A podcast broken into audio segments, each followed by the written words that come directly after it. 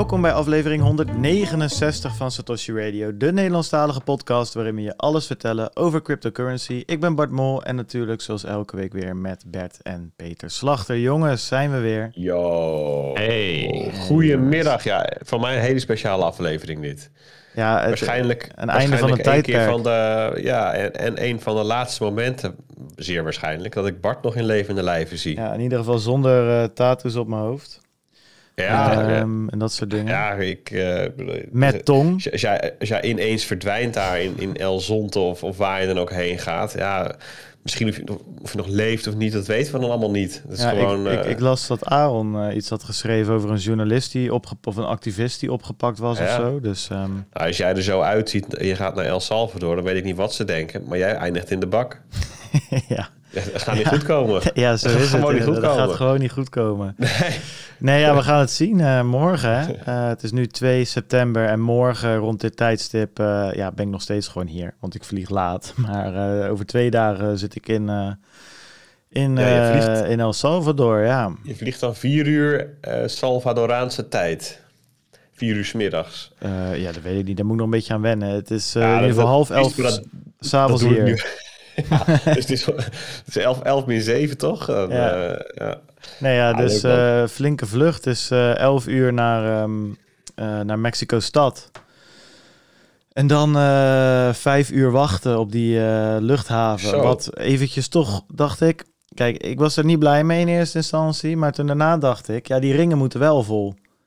Hè? En als jij 24 uur in een vliegtuig zit, ja, dan ga je geen 10.000 stappen halen. En ik wil dat perfecte jaar. Dus ik denk, ja, goed, eh, geluk bij een ongeluk. Die gaan we vol eh, maken in, eh in eh Je mag misschien in het vliegtuig ook wel heen en weer lopen. En dan moet je heel veel, dan moet ik gewoon een soort stewardess worden die de hele tijd met, Ja. eh, met, met, met drankjes en dat soort dingen. Hallo, mijn naam is Bart. Hallo. Ja, hi. dat je zo met, zo met zo'n riem staat, weet je wel. Eh, daar de uitgang, daar de uitgang, naar voren. Ja, nou, dat kan wel hoor. Nee, dus eh, dat komt goed. En daarna nog twee, drie uurtjes vliegen naar El Salvador. En dan, ehm, ja, dan ben je dus niet eens in de hoofdstad, want het vliegveld is helemaal niet in de hoofdstad. En dan is het nog 50 minuutjes rijden naar eh, El Zonte. dichtstbijzijnde hoofd, eh vliegveld. Dichtstbijzijnde hoofdstuk. Dichtstbijzijnde Eh, hoofdstad. hoofdstad, Ja, ja. dat is dan Salvador. Maar dat, ja, dat is ook het enige vliegveld volgens mij. Anyway, het komt wel Ja. goed. Dus dat wordt... ehm, ja, Ja, eh, komt wel goed. eh, Ja, Spannend, wel leuk. Wel is leuk en spannend. Meer, maar ik vind het meer spannend omdat ik in mijn eentje ergens heen ga... dan dat het El Salvador is, moet ik je heel eerlijk zeggen. Hij zit nog wel gezonde spanning. Jawel. Ja, nee, het valt reuze. En dat ik gewoon even... Dat, dat heb ik altijd bij reizen, dat ik denk... Ik heb me niet goed genoeg voorbereid. En dat klopt ook wel, want ik heb nog helemaal niks echt voorbereid. Ehm, maar dat ik dingen vergeet of zo, weet je wel. Eh, maar ik, ja, volgens mij heb ik alles. Ik heb een recorder, ik heb een microfoon, een cameraatje en eh, een goed humeur. Dus dan zou dat gewoon eh, goed moeten komen, denk ik. Ja, en ik neem aan dat je je overnachting ook geregeld hebt. Ja, nee, tuurlijk wel. Ik bedoel, dat heb ik op een gegeven moment in één avond even gedaan. Alleen het is dan toch. Ik weer het inchecken met die vliegtuigen en zo. Jeetje, Mina, dat werkt ook allemaal weer voor geen meter, joh. Dat is echt... Met, met welke maatschappij vlieg je? Aero Mexico. Aero Mexico. Air Mexico. ja. Ja, het schijnt een best wel aardige eh, maatschappij te zijn. En eh, nou, ze vlogen, nou ja, niet direct, maar ze hadden wel veruit Ja, het beste aanbod. dat kan je altijd zien aan, aan de gate waar je in mag stappen. Hè? Weet je al welke gate het is? Eh, terminal bedoel je? Ja? Ja, gewoon, dus ja, maar jij mag eerst vertellen of het goed of fout is. Dan vertel ik mijn terminal. Ja, dat weet, ik niet. Dan moet je, dan moet je eerst zeggen Ja, welke terminal 2. Ja, maar jij weet toch of één of twee of drie Oh, goed is? nee, het gaat mij om de gate. Zeg Maar je, Ja, hebt, weet je, hebt toch die, niet. je hebt toch ze, zeg maar, A tot en met F of zo. Dan, eh, Oh, dan, dan ja, loopt het ook nog op van, eh, van 0 naar 30 of zo. En de EasyJets die zitten op F30 en KLM zit op A0. Zo moet je het Ja. Dat is een beetje de... En voor de F dan mag je eerst drie kilometer lopen en daarna nog zes, 600 Ja. kilometer taxi. En dan is drie, het echt drie een keer kilometer lopen is alleen maar goed, want ik moet die ringen volmaken. Ja, Maar dat is goed, waar. Anyway. Nee, ja, dat wordt leuk. Daar komen we zo nog even op terug, denk Moest ik. je nog Ehm, inentingen hebben trouwens?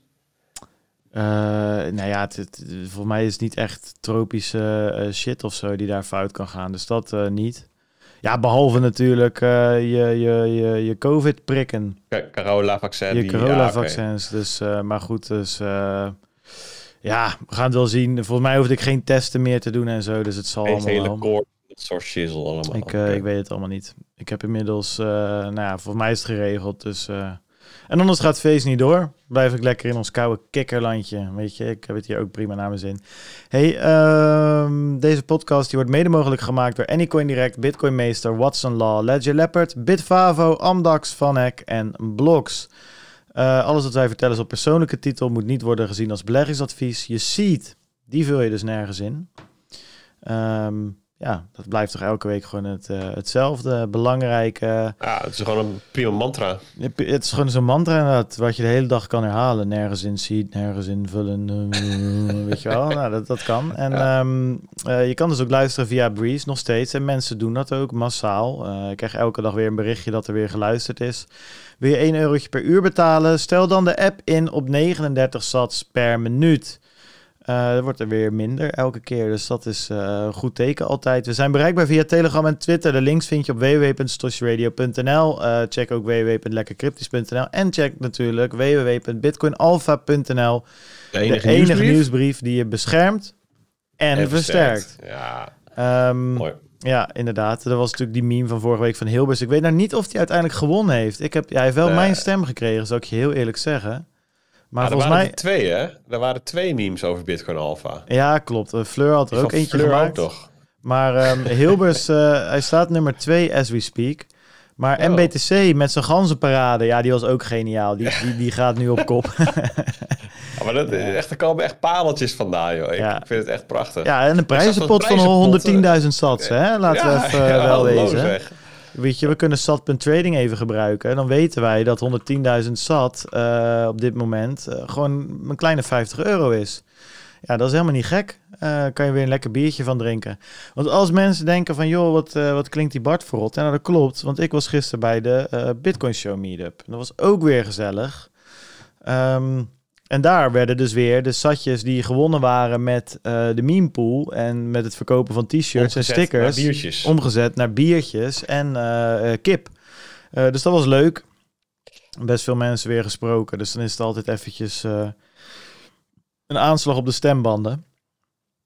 Um, maar goed, het was, het was erg geslaagd weer. Het was, um, was erg leuk. Um, even kijken hoor. Ja, dan zijn we daar, uh, daar wel uh, weer een stuk doorheen. Um, ik, want er was nog straks, ja, dat wilde straks een leuke vraag over nodes en, um, en Lightning en mo mobile wallets. Daar komen we straks nog even op terug, want dat werd gisteren, dat was één ding wat mij heel erg opviel.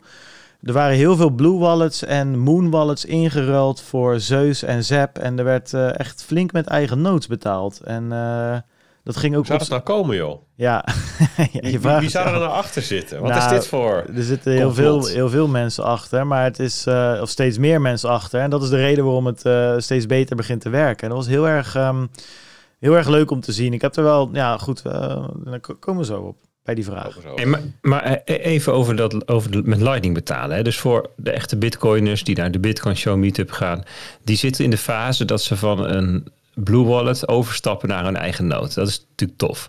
Maar wij zaten vanmorgen zaten we bij onze uitgever te praten over um, ons boek. Wat in, op 25 oktober um, bij je thuis bezorgd kan worden. Om dat ook te gaan uh, betaalbaar te maken met Lightning en Bitcoin in het algemeen. Ja. En er is een boekhandel in, in, in Hilversum, heel vet, die gaat dit fixen. Die, gaat, die wil dit. Die ja. vindt, het, vindt het tof en die gaat dit doen. Alleen zat ik wel na te denken dan moet je even, die meeting. Even tussendoor, dan, moet je even, dan moeten we goed... We moeten dan zorgen dat, dat de mensen uit onze groep ook naar die boekwinkel gaan. Eigenlijk. Ja, natuurlijk. Ja, en met als je zeg maar de, de plek waar je het straks, je kunt het daar in de winkel met Lightning, maar ook online. Oké, okay, dan moeten we even goed in de gaten houden. Voordat iedereen, ja, die pre-sales zijn voor jullie fantastisch. Maar het zou wel leuk zijn als deze meneer of mevrouw even wat extra traffic krijgt voor deze power move, zeg maar. Tuurlijk, dat is natuurlijk echt super, super cool. ga verder. Maar um, toen zat ik te denken van, maar stel nou hè, dat er mensen, ik, ik, er zijn allemaal mensen die vinden het leuk, die volgen ons. Uh, gewoon ook uit onze uh, sociale, weet je, um, de, de, de, familie, vrienden en zo. En ze zeggen, joh, betaal nou met Lightning. Zeggen ze, ja, oké, dat oh, goed, dit vind, dit vind ik leuk. Nu wil ik wel met Lightning betalen. Nu ga ik een Lightning wallet downloaden. Dus dat is zeg maar een hele andere levensfase. Die gaan niet van Blue Wallet naar een eigen nood, maar die gaan van niks naar iets. Alleen, hoe kunnen die nou het makkelijkst een Blue Wallet gevuld met nou, die, die paar tientjes die je nodig hebt voor ons boek krijgen. Is, is er in, inmiddels een Nederlandse broker waar je met Ideal voor een paar tientjes aan sats in je Blue Wallet kunt krijgen? Ja, of is het nu nog steeds een soort van, uh, ja, eh, ingewikkelde kruistocht over allerlei Nou, obstakels. Ja, ik, wil het niet, ik zou het niet ingewikkeld willen noemen.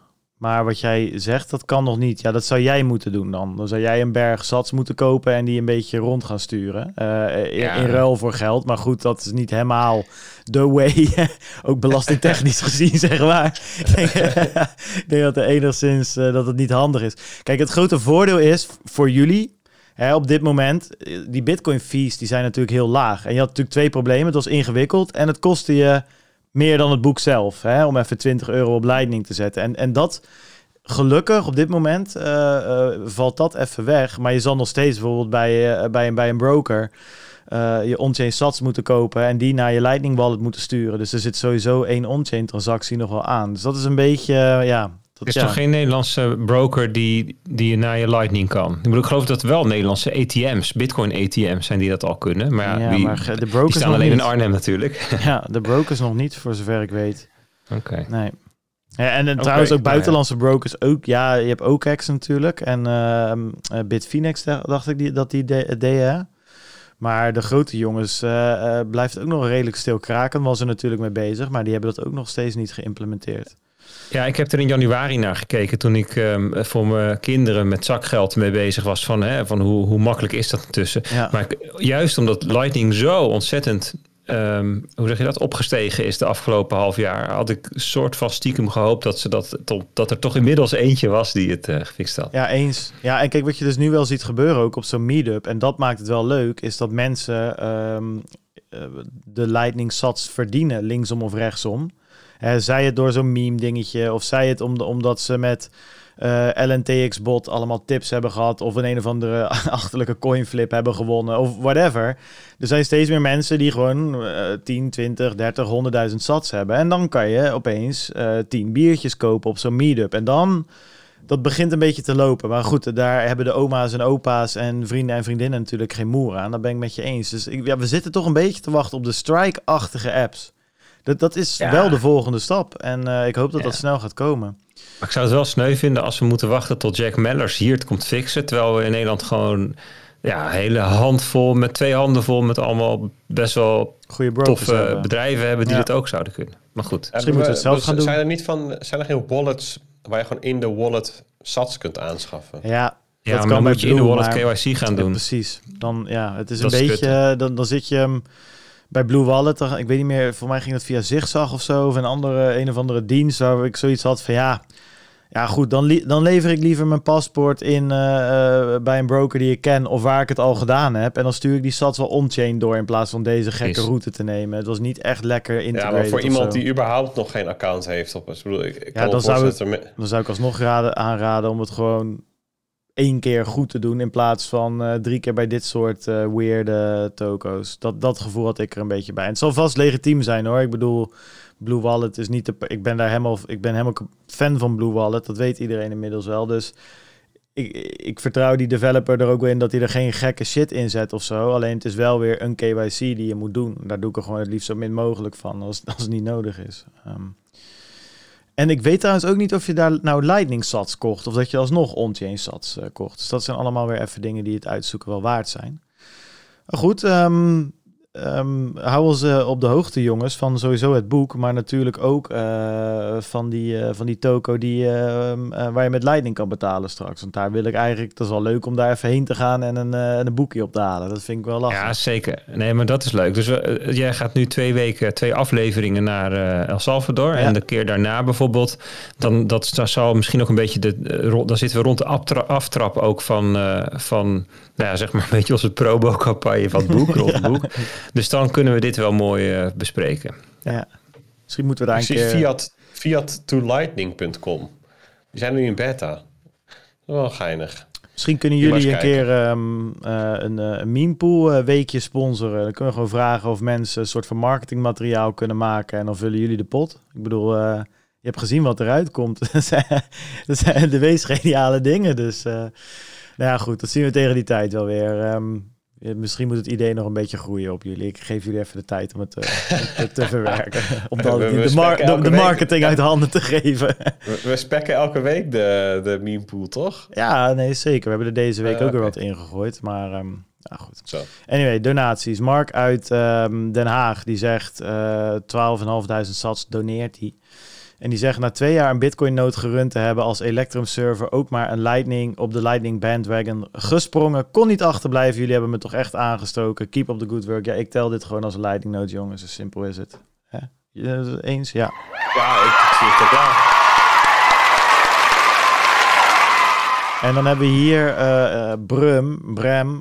Dat is een soort Bram met een dingetje erom. Dan ga ik altijd een beetje dat Zweedse... eh, ja, ik denk, ik denk gewoon Bram. Bram met een puntje op de A. Eh, die stuurt 12.000 sats. Ehm, en die zegt helemaal top. Dankzij de video's van Bart en de behulpzaamheid in de Telegram groep is mijn verse node up and running. Eh, Bitcoin Alpha, een node aan het draaien en ons geld een stuk gereserveerd. Ja, nou ja, goed, dan weet je het wel. Klaar om meer te leren. Hij heeft ook nog een vraag, komen we zo op terug. Eerst een applausje.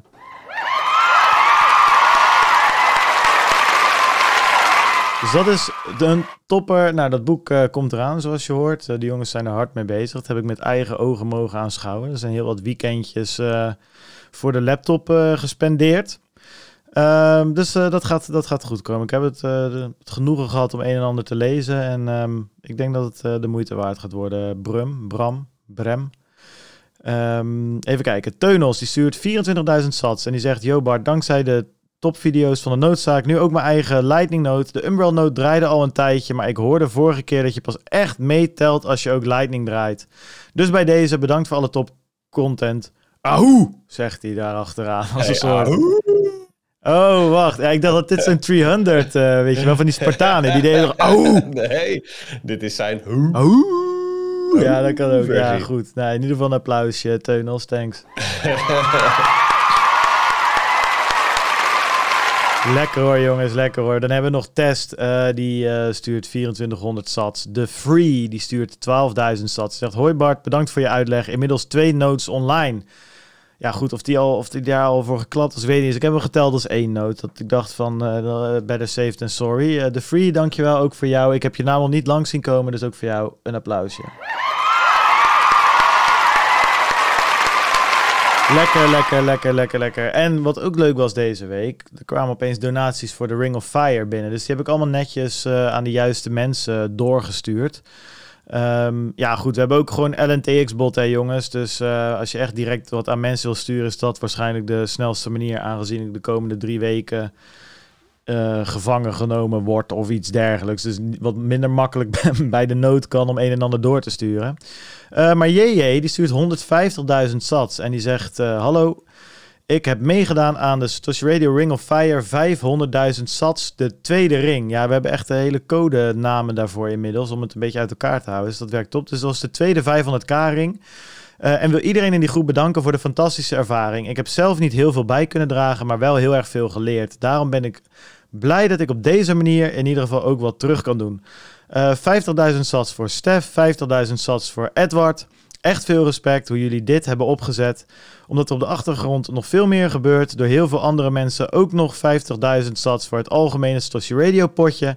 Voor iedereen die twijfelt aan een nood of meedoen aan de Ring of Fire. Ik zou zeggen begin met de noodzaakvideo's op YouTube. Vanaf, daarna gaat het, vanaf dan gaat het eigenlijk allemaal bijna vanzelf.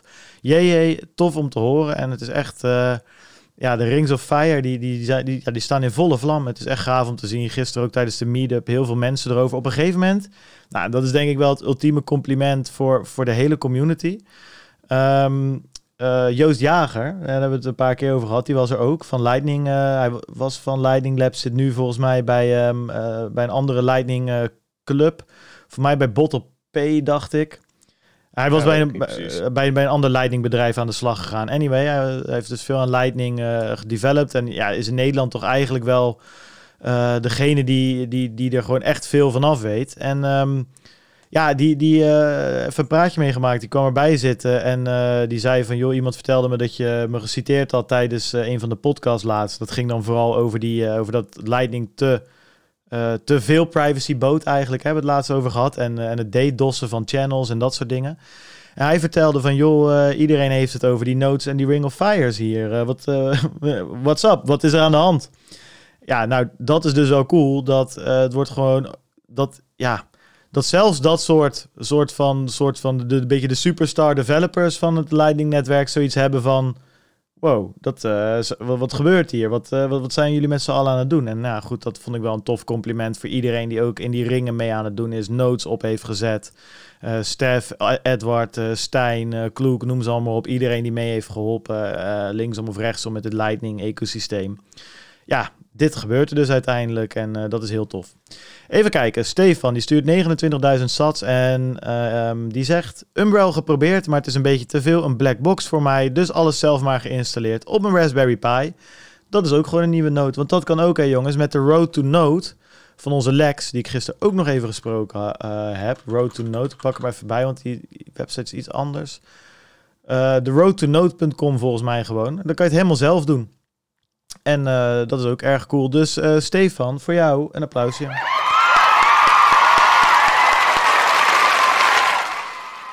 Eh, toppers, even kijken hoor. Dan hebben we Raptor. Raptor die, had, ehm, die wilde al een tijd donaties doen en daar was hij nu aan toegekomen. Dus daar komen ze. Raptor stuurt 50.000 sats. Hij zegt, Bart, ik ben jou en wat andere mensen nog wat biertjes verschuldigd, maar er is geen enkele reden voor mij om naar de studio te komen.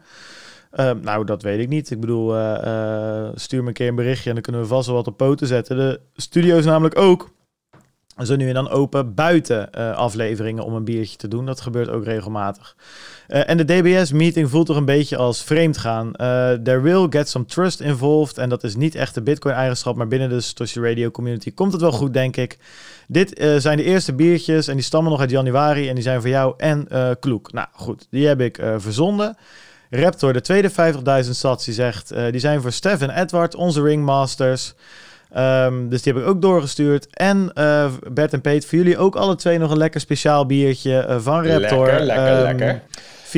24.000 satjes voor Bert en Peet voor de mooie show die jullie elke week maken. Dus het was, het was Raptor Sinterklaas deze week. En hij heeft ook nog eh 60.000 sats gestuurd voor onze Stijn, die natuurlijk met de bots en alle andere dingen die hij die, aan het doen is ook... ja, zijn steentje bijdraagt. Dus eh, iedereen, eh, dat was een soort Oprah Winfrey, weet je wel. You get a car, you get sats, en you get sats, en eh, look under your chair. Eh, 20.000 sats. Nou goed, een beetje dat idee. Ehm eh, Toe Sappig, eh, die stuurt 50.000 sats en die zegt ook ik zat in de tweede 500k ring. Door het ongeduld en enthousiasme van iedereen die meedoet, is de ring er tot twee keer toe geprobeerd een koep te plegen op de ringleader eh, nou, eh, om, om het te balanceren. Uiteindelijk heeft Stock to Flow zelf kunnen balanceren en Edward en Stef hebben geholpen en Stijn was onmisbaar. Dus hij heeft de donatie aan hun opgedragen. Dus ook dit is allemaal netjes verdeeld. Jury stuurt 5000 sats. Raptor die hadden we gehad. Pimmetje Pom stuurt 2500 sats. Tom die stuurt 2500 sats.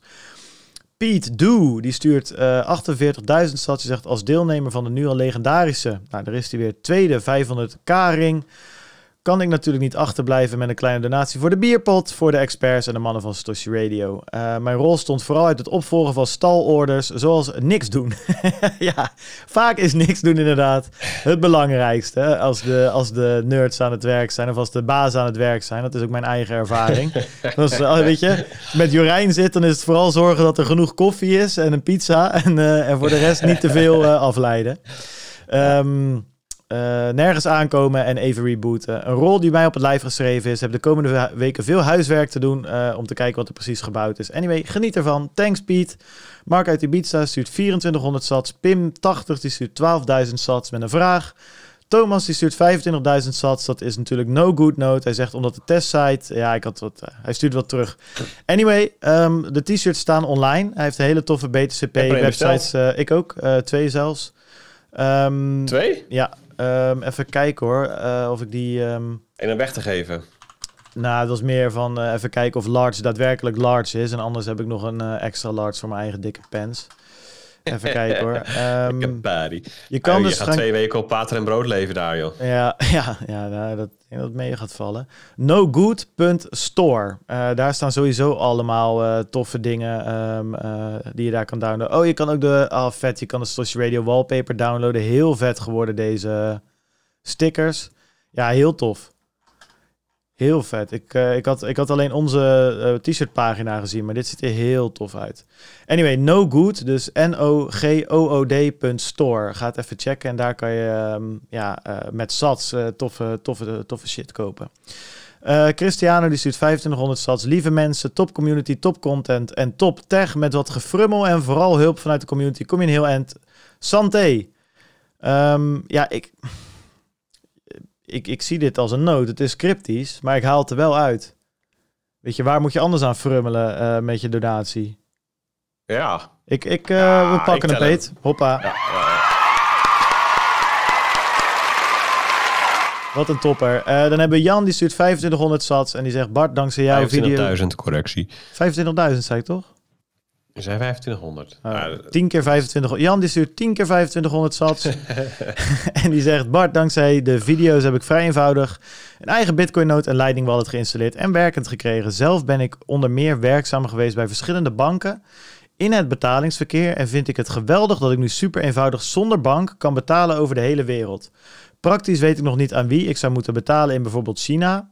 ja, dat is inderdaad. eh, dat, dat, ja, eerst kom je erachter dat het heel cool is. En daarna denk je, ja, maar ik betaal nooit iemand in China. Dus dat is inderdaad voor veel mensen een beetje lastig. Maar goed, ehm, daar, daar vinden we wel weer iets op. Wie weet eh, verhuist Pe- verhuizen we Peter wel naar China of zo, weet je wel. Iets in die ja, richting. daar zou ik heel goed tussen passen. Ja, precies. Niauw.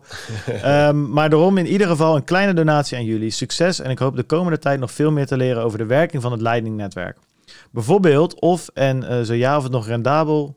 Of je het nog rendabel zou kunnen maken. Oh ja, leeftijd speelt bij belangstelling voor innovatie volgens mij niet echt een rol. Vriendelijke groeten van Jan, 66 jaar. Ja, dan kom je gewoon direct weer in dat halletje of fame mooi. terecht. Dan kom je in dat halletje of fame naast de, de, de Lightning King en Thea. Ja, een soort van toch wel de, ja, de, de legendarische figuren van het hele noodavontuur, laten we eerlijk zijn. Ehm, die andere 220 niet tekort doen, maar ik, ik vind de mensen die boven de 60, nou weet ik niet of de Lightning King boven de 60 was, straks, straks eh, beledig ik hem, nou dat kan bijna niet, zo'n goede gozer. Boven de 60 een eigen nood installeren vind ik wel dubbele street cred. Dat, daar gaat wel een multiplier overheen. Dus eh, Jan, voor jou een hartelijk applaus vanuit, eh, vanuit onze kant.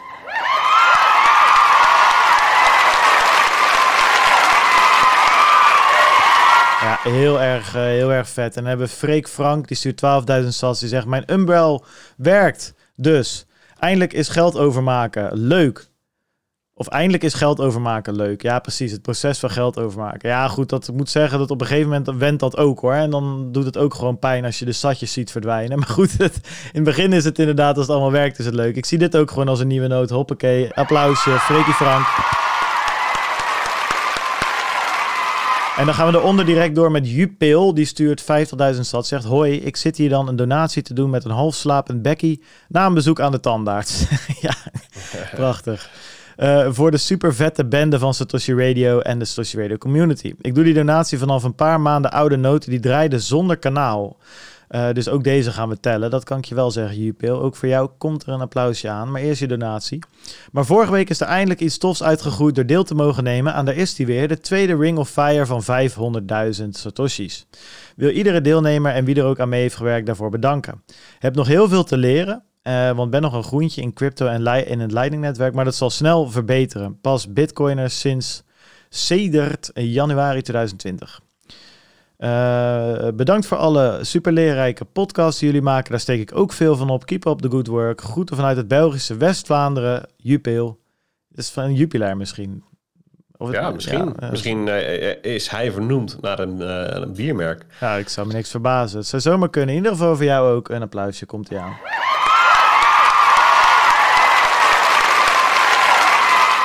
Lekker gewerkt, je pil. Heel Oh, oh. Het publiek gaat uit zijn dak. Die worden helemaal gek. Je pils. Ja. Robert eh, Nieuw die stuurt 6000 sats en een vraag. Ehm, is, is, is dat onze Robert die elke week vraagt hoe hij geld kan verdienen met eh, Bitcoin? Ja, ja toch? Ja, volgens mij wel. Ja. Ja. Ik vond dit wel een leuke vraag trouwens. Hij had deze week weer een nieuwe geld eh, money make opportunity eh, in de smiezen. Dus daar komen we zo op terug. Mark uit Limburg stuurt een eurotje. Die zegt thanks weer. Jij ook bedankt Mark. Tot volgende week. Eh, Alexis Enders die stuurt een kleine 12.000 sats. Die zegt bedankt voor de uitermate leuke series. Corian eh, als laatste van deze week, die stuurt 21.000 sats. Die zegt, hoi, nieuwe Umbrel noot. Ik had laatst wel een eurotje getest en gemeld dat jullie de noot nog niet mochten tellen. Dat klopt, die hebben we ook opgenoemd deze week. Nu wel. Ik ben er namelijk zeker genoeg van dat ik hem zo laat draaien, want ik heb een alternatieve installatie gedaan. Mijn Media Center heb ik geüpgrade naar een Raspberry Pi 4 en daar Umbrel op geïnstalleerd. De Media Center staat toch 24-7 aan. Gelijk ook een Pi-hole geïnstalleerd. Umbrel, ik vind het fantastisch. Zometeen nog een vraagje en een extra donatie. Nou, die doen we dan, of die doen de mannen dan volgende week. Uh, groetjes van Corjan. Corjan, jij als laatste deze week ook volledig verdiend. Hij maakt hem vol. De nummer 10 van deze week. Applaus.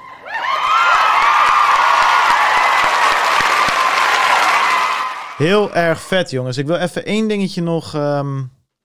Nou, wacht, ik maak hem eerst even af. En dan doe ik daarna even wat ik hier nog over wil zeggen. De donaties. Vorige week 503.000 sats, uh, 201 euro, 15 notes erbij. Dat was de beste week ooit.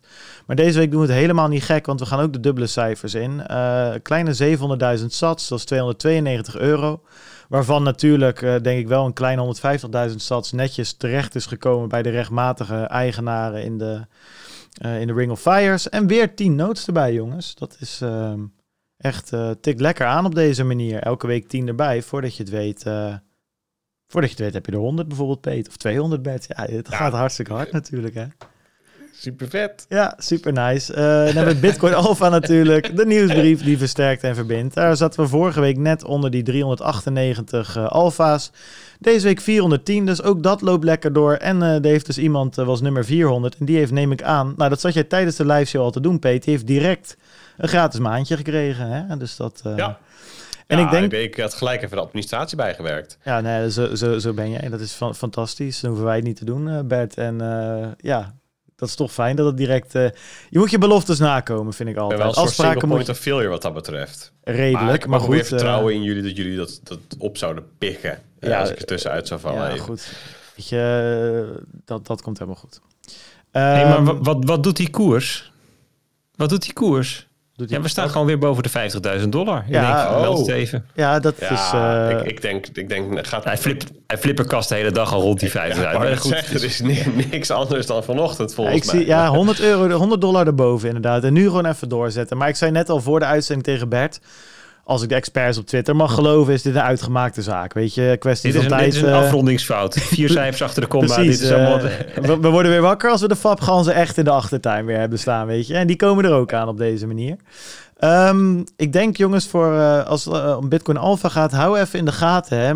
Uh, 7 september, als het in El Salvador live gaat, wie weet hebben we dan weer wat leuks in, de, in petto. Maar dat moeten we nog even, ja, even dat zou, uitdenken. Dat zou kunnen. Dat is wel een leuk momentje om, om weer eens eventjes iets mee te denken. En natuurlijk het Iedereen Blij programma. Maar kijk daarvoor maar even op de site www.bitcoinalpha.nl. Ons prachtige referral programma waar je jezelf mee kan helpen en ons mee kan helpen. En je maten mee kan helpen. Nou, dan, dan vraag je toch af waarvoor je het niet zou doen. Toch? Ik bedoel, uh, iedereen is ermee En daarom heet het ook iedereen blij. Ja, dit, dit is geniaal in zijn simpelheid. ja. Laten we wel zijn. Ja. Hoe verzin het? Marketing, cringy, maar gewoon waar. Ja. marketing moet simpel blijven, Peter. En uh, dat, uh, dat hebben Als we gedaan. het cringy is en waar, dan is het perfecte Precies. marketing. En dan hebben we natuurlijk nog, ik zat gisteren bijvoorbeeld de Bitcoin Show te luisteren. Daar deden ze er vijf minuten over om wat euro's naar sats om te rekenen. Ja, ik zei nog www.sat.trading. Gewoon invullen, direct omrekenen, geen poespas. En je weet direct wat je satjes waard zijn in euro's. Of je euro's waard in satjes. Of je dollars in euro. Het maakt allemaal niet uit. Het kan allemaal. Het is gewoon simpel. Sat.trading. Wat ik nog even wilde zeggen voordat we naar de luisteraarsvragen gaan. Uh, dus uh, dit was het eerste uh, gedeelte. uh, Pedro, kan je die nog even tussen donaties en de luisteraarsvragen dumpen? Ja hoor. Heel kort dingetje. Even wel. een disclaimer, jongens. De Ring of Fires. Ik ben net zo hyped als dat jullie dat zijn. Uh, ik, we, we hebben het vorige week met, um, met Stef en met Edward en uh, natuurlijk ook Stijn die, die, die thuis zat. En iedereen die mee aan het doen zijn. Het, is fantastisch. En die 500.000 ringen en 1 miljoen en 2 miljoen, dat is top om je, om, ja, om, om je, om je nood een beetje een kickstart te geven. Zodat je wat geld kan ontvangen, wat kan versturen. En misschien als je het slim doet ook al wat kan gaan route. Hè? Dat je wat betalingen door kan sturen. As we speak is er een ring bezig uh, van 25 miljoen sat. Oh. Um, ja, dat is uh, een kwart bitcoin uh, voor de mensen die, het, uh, die die omrekening nog niet hadden gemaakt. Dan heb je het dus nu over een dikke 10.000 euro. Um, ik vind het fantastisch, allemaal super tof, maar ik wil wel even meegeven. Um, ik zelf merk in ieder geval dat, dat, dat die lightning node op poten zetten en steeds beter maken, dat dat best wel een verslavend spelletje is. En dat je op een gegeven moment een beetje het idee hebt dat sats een soort van um, uh, festivalmuntjes zijn of zo, weet je wel. Of, of credits in, een, uh, in, uh, in, in Fortnite of weet ik veel wat. En eh, ja, dat zijn het niet. Het zijn gewoon sats. En 25 miljoen bij elkaar, ehm, dat is 10.000 euro. Dat is serieus geld. En ik wilde gewoon nog even meegeven van... als je je er niet helemaal lekker bij voelt... bij een bepaald bedrag... Hè, dat, het hoeft niet, hè, jongens. Uh, 500.000 of een miljoen, daar leer je ook heel veel van. Ehm, dus ik wilde even een beetje ervoor waken dat we, uh, nou, dat we het enthousiasme bewaren, maar dat we niet uh, mensen die er misschien nog net niet klaar voor zijn, ergens induwen. Um, ja, waar ze nog net niet klaar voor zijn. Ik bedoel, Lightning is gewoon beta software. Um, het is allemaal experimenteel. Uh, backups zijn best wel lastig, ze nu en dan. Dus denk er goed over na. En um, nou, als je het dan wil doen, doe het ook vooral. Hè. Ik bedoel, er zitten ook jongens in die 25 miljoen groep die gewoon grote notes draaien en die dit als een soort van uh, super ring zien. Nou, nee, niet, niet eens. Kijk, als je natuurlijk met een paar grote notes op die manier aansluit, ja, dan maak je wel gebruik van alle kanalen die die anderen weer hebben. Dus op zich is het prima. Maar ik wilde eventjes een disclaimer. Ik voelde me daar. Ik dacht het eventjes noemen van. Laat je niet zomaar ergens intrekken. puur omdat je denkt dat het moet. Of Weet je, het, we hebben het over Bitcoin, hè, jongens. We hebben het over ons pensioen. Uh, dus, dus doe waar je jezelf fijn bij voelt. En um, uh, ik, um, ik heb evenveel respect voor elke deelnemer aan die Ring of Fire. Of je er nou 500.000 inlegt of 25 miljoen. Jullie zijn voor mij allemaal uh, legends. Dus dat, daar zit geen enkel onderscheid in hoeveel geld je daarin pompt. Dus dat wilde ik even gezegd hebben. Eventjes, even, moest even van. Goed punt. Oké. Je bent toch wel de, de, de hoeder van de ganzen, hè? Ja, god, je wilt toch niet dat er straks ganzen failliet zijn omdat er een, een of andere uh, bug in Lightning naar boven komt of dat ze hun, uh, hun ja. uh, backups niet goed hebben gedaan. Ja, dat is toch balen. dat moeten we niet hebben. Oké, gaan we naar de luisteraarsvragen, jongens. Zullen we dat eens gaan doen? We hebben er best een paar leuke gehad. We hebben natuurlijk Brum, Bram, Brim gehad. die heeft iets, een praktische vraag, zegt hij zelf. hoe kan ik ervoor zorgen dat ik met mijn mobieltje via mijn eigen nood, via het Lightning-netwerk bijvoorbeeld mijn biertjes af kan rekenen. Dat lijkt me namelijk echt heerlijk om ze nu en dan te doen. Welke wallet zouden jullie adviseren? En is hier nog een combinatie met de nood te maken? Um, nou, je stelt het precies op het, op het goede moment. Want ik heb dat deze week even gedaan zelf. Omdat ik zelf altijd Blue Wallet gebruikte. Um, ja, puur vanuit gemak. Omdat het namelijk altijd werkt. En ook redelijk snel. Uh, maar ik dacht um, uh, laatst toen ik weer bij, vorige week vrijdag bij Jan uh, bij Café de Roemer in Haarlem ging eten. Wil je met bitcoin betalen, moet je daar zijn. Toen dacht ik, joh, ik ga eens even kijken of ik mijn eigen nood kan vragen. Dat is eigenlijk precies wat Bram zegt. Um, dus ik heb mijn Umbrel nood gebruikt en mijn BTCP server nood. en die heb ik aangesloten op de wallet Zeus. Dus die Griekse god van de donder is dat volgens mij. Um, en dat werkt goed. Dat werkt eigenlijk heel erg goed. Uh, het enige probleem is het loopt via Tor. En dat is langzaam. Dus als je je biertje af staat te rekenen, dan is het wel 10 tot 30 seconden wachten. En dat is naar mijn mening net even iets te veel om met PIN te concur kunnen concurreren. Uh, maar het werkt wel. En dat was wel heel vet. Uh, ja, hetzelfde, hetzelfde in kan ook met. supermarkt in een lange rij inderdaad. Ja, nou ja, dat was gisteren dus een beetje. Ja, dan sta je daar je ticket af te rekenen bij de Bitcoin Show. En, of, of je biertje. Ja, dat Zeg maar, Blue Wallet is 2 tot 3 seconden. Dat, dat is te doen. Zeg maar, weet je wel? Dat, uh, daar kan ik mee leven. En dit was, dit was ja. 20 tot 30. En dan sta je toch een beetje van, ja, en dan soms klapt hij er nog uit. Dus dat was net even nog lastig. Uh, maar het werkt voor de rest wel goed. Uh, en hetzelfde geldt voor Zap. Die heb ik zelf niet geprobeerd, maar dat is een wallet waar het ook kan. Umbrel kan, ja, die hebben heel erg hun best gedaan om al die wallets aan te sluiten. Dus dat is eigenlijk gewoon een QR-code scannen en dan ben je klaar. Dus het is echt ten opzichte van een half jaar, een jaar terug. Ja, verschil van dag en nacht. Het is echt, nu is het gewoon uh, eh, QR-code scannen en het was echt allemaal dingen invullen en koppelen en andere rotzooi. En, uh, dus ik zou aanraden Umbrel uh, als nood en Zeus als app op dit moment. Um, ik heb het getest op de iPhone trouwens. Dus nou, als het daar werkt, dan zal het op Android helemaal wel werken, gok ik. Dus ja, dus dat. Dat is het korte antwoord. Um, akkoord? Mooi. Dan gaan ja, we denk ik naar ja. de vraag van Pim uh, 80. Ja, en, en je moet natuurlijk wel er, ergens komen waar ze bitcoin accepteren. Ja, zeker weten. Ja. ja dus het is, het, is, het is niet zo dat als jij een lightning node optuigt, dat je zo vervolgens overal en nergens kunt afrekenen of dat kunt gebruiken. Nee. Daar zit nog een stapje tussen, namelijk dat uh, winkeliers dat adapteren als betaalmiddel. Ja. En maar. Maar dat terzijde. Ik, ik denk dat hij dat wel wist. Maar misschien niet. Nee, even, dat ook nog even bij. eh, even kleine toe. Nou, nou, check dus gewoon eh, eh, eh, de mm, Twitter-feed van Bitkassa. Eh, want de laatste tijd worden er best wel weer wat toko's toegevoegd. En ja, dan, daar kan je dan lekker met Lightning betalen. Misschien Zal dus, ik de eh, volgende vraag nemen? Pim, ja, je hebt hem voorbereid. Lijkt me een goed Ja. idee. Dan ga ik even wat strepsels Dus, nemen om de, om, de, om de keel weer even te smeren. Doe jij dat? Ik zie al een lekker, lekker koud bakje pleur, zoals het hoort bij Bart. Ja, hier staat hij, jongens. Je voelt bijna hoe koud hij is. Oh, man, man, man. Het, het, het is bijna niet meer viscoos ook gewoon daardoor. Eh, Oké, Pim80 zegt... ik ben me een beetje aan het verdiepen in mining, maar loop een beetje vast. Oh, ik had verwacht dat deze vraag van Robert was. maar deze is van Pim80, toch van iemand anders. Eh, iets als Compass Mining klinkt interessant, mede door het artikel van Lin Elden. Echter moet je daar sinds kort instappen met minimaal zes miners... die je nu al grotendeels moet betalen... en pas vanaf eind februari beginnen te loeien. Lijkt me niet interessant en sowieso veel te duur voor mij. Vergelijkbare bedrijven als Compass die eh, aanschaf en hosting bieden, kan ik niet vinden. Andere optie is zelf een miner aanschaffen en hosting ergens regelen. Maar waar schaf, schaf je dan zo'n ding aan?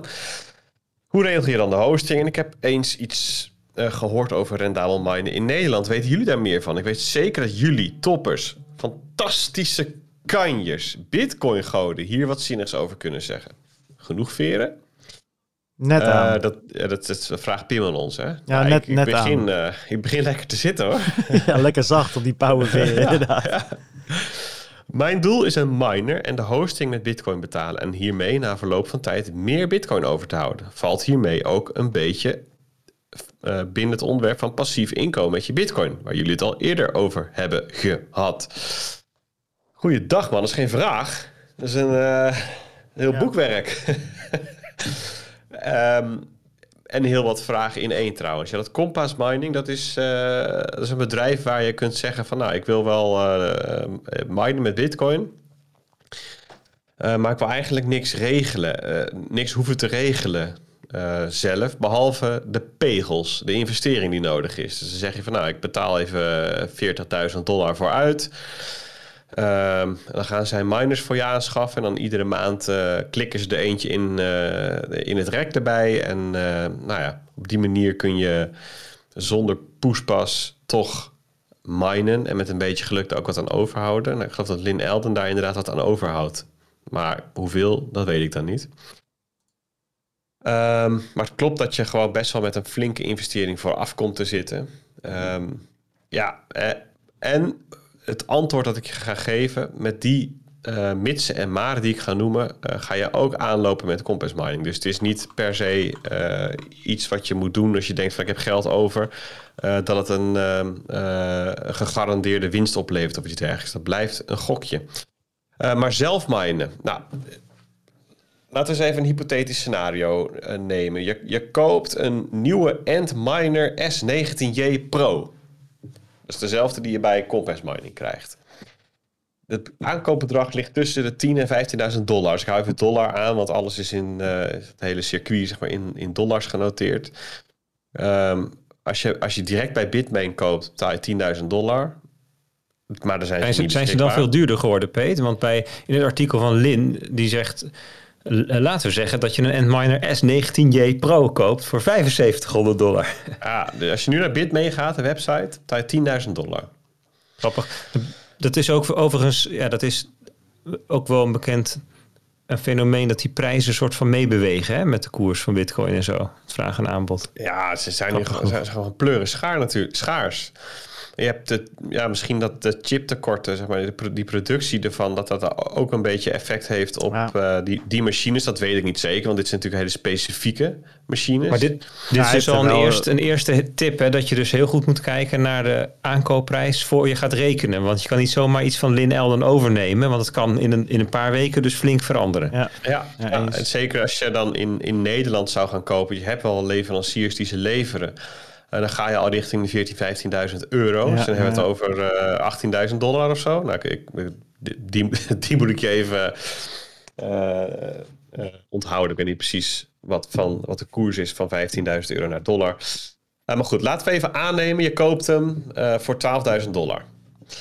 Nou, die machine zet je aan en wat dat dan oplevert is 0,0007 BTC per dag. 7000. Waar reken je dat uit? Ik heb dat Heb je- uitgerekend. Ik heb een toeltje daarvoor gebruikt. Maar welke van de drie, vier die je, leidende tooltjes die je daarvoor kunt gebruiken, eh, weet ik niet meer precies. Ehm, ik heb dat dus niet zelf, maar het is, dat is eh, de uitkomst van een toeltje. Ja, de mensen voor wel- de, ik vraag het even voor de luisteraar. Hè? Waar moet je dan heen surfen om... eh, Ja, ik, ik kan wel even live nog een keertje kijken hoor. Eh, Ja, vroeger gebruikte ik What to Mine bijvoorbeeld. Toen we nog Ja. met, die, eh, met die mining rig van ons zaten te, te kloten. Met die videokaarten erin. Die smolten als je weer eens wat verkeerd deed. ja, nee, die heb ik niet gebruikt. Volgens mij die van Crypto Compare. Ja, dus je hebt cryptocompare.com slash mining slash calculator slash BTC. En eh, die geeft een mooi overzichtje. Ehm, de meeste van die tooltjes zijn soortgelijke uitkomsten. CryptoCompare geeft er ook bij welke aannames ze hebben gedaan. Maar dit kan je dan verwachten. Zo eh, eventjes op, op jaar, jaarbasis 0,25 eh, BTC. is een kwart bitcoin. Met de huidige difficulty is dat. Hè? Dus dan verdien je per jaar 13.000 dollar door het draaien van die miner. Maar goed, dat is natuurlijk niet je winst, want je moet de machine afschrijven. Nou, laten we zeggen, die gaat drie jaar mee, is 4000 dollar per jaar. En je moet je stroomkosten betalen. Nou, in Nederland liggen de gemiddelde, voor, consumenten de gemiddelde stroomprijzen rond de 22 eurocent per kilowattuur.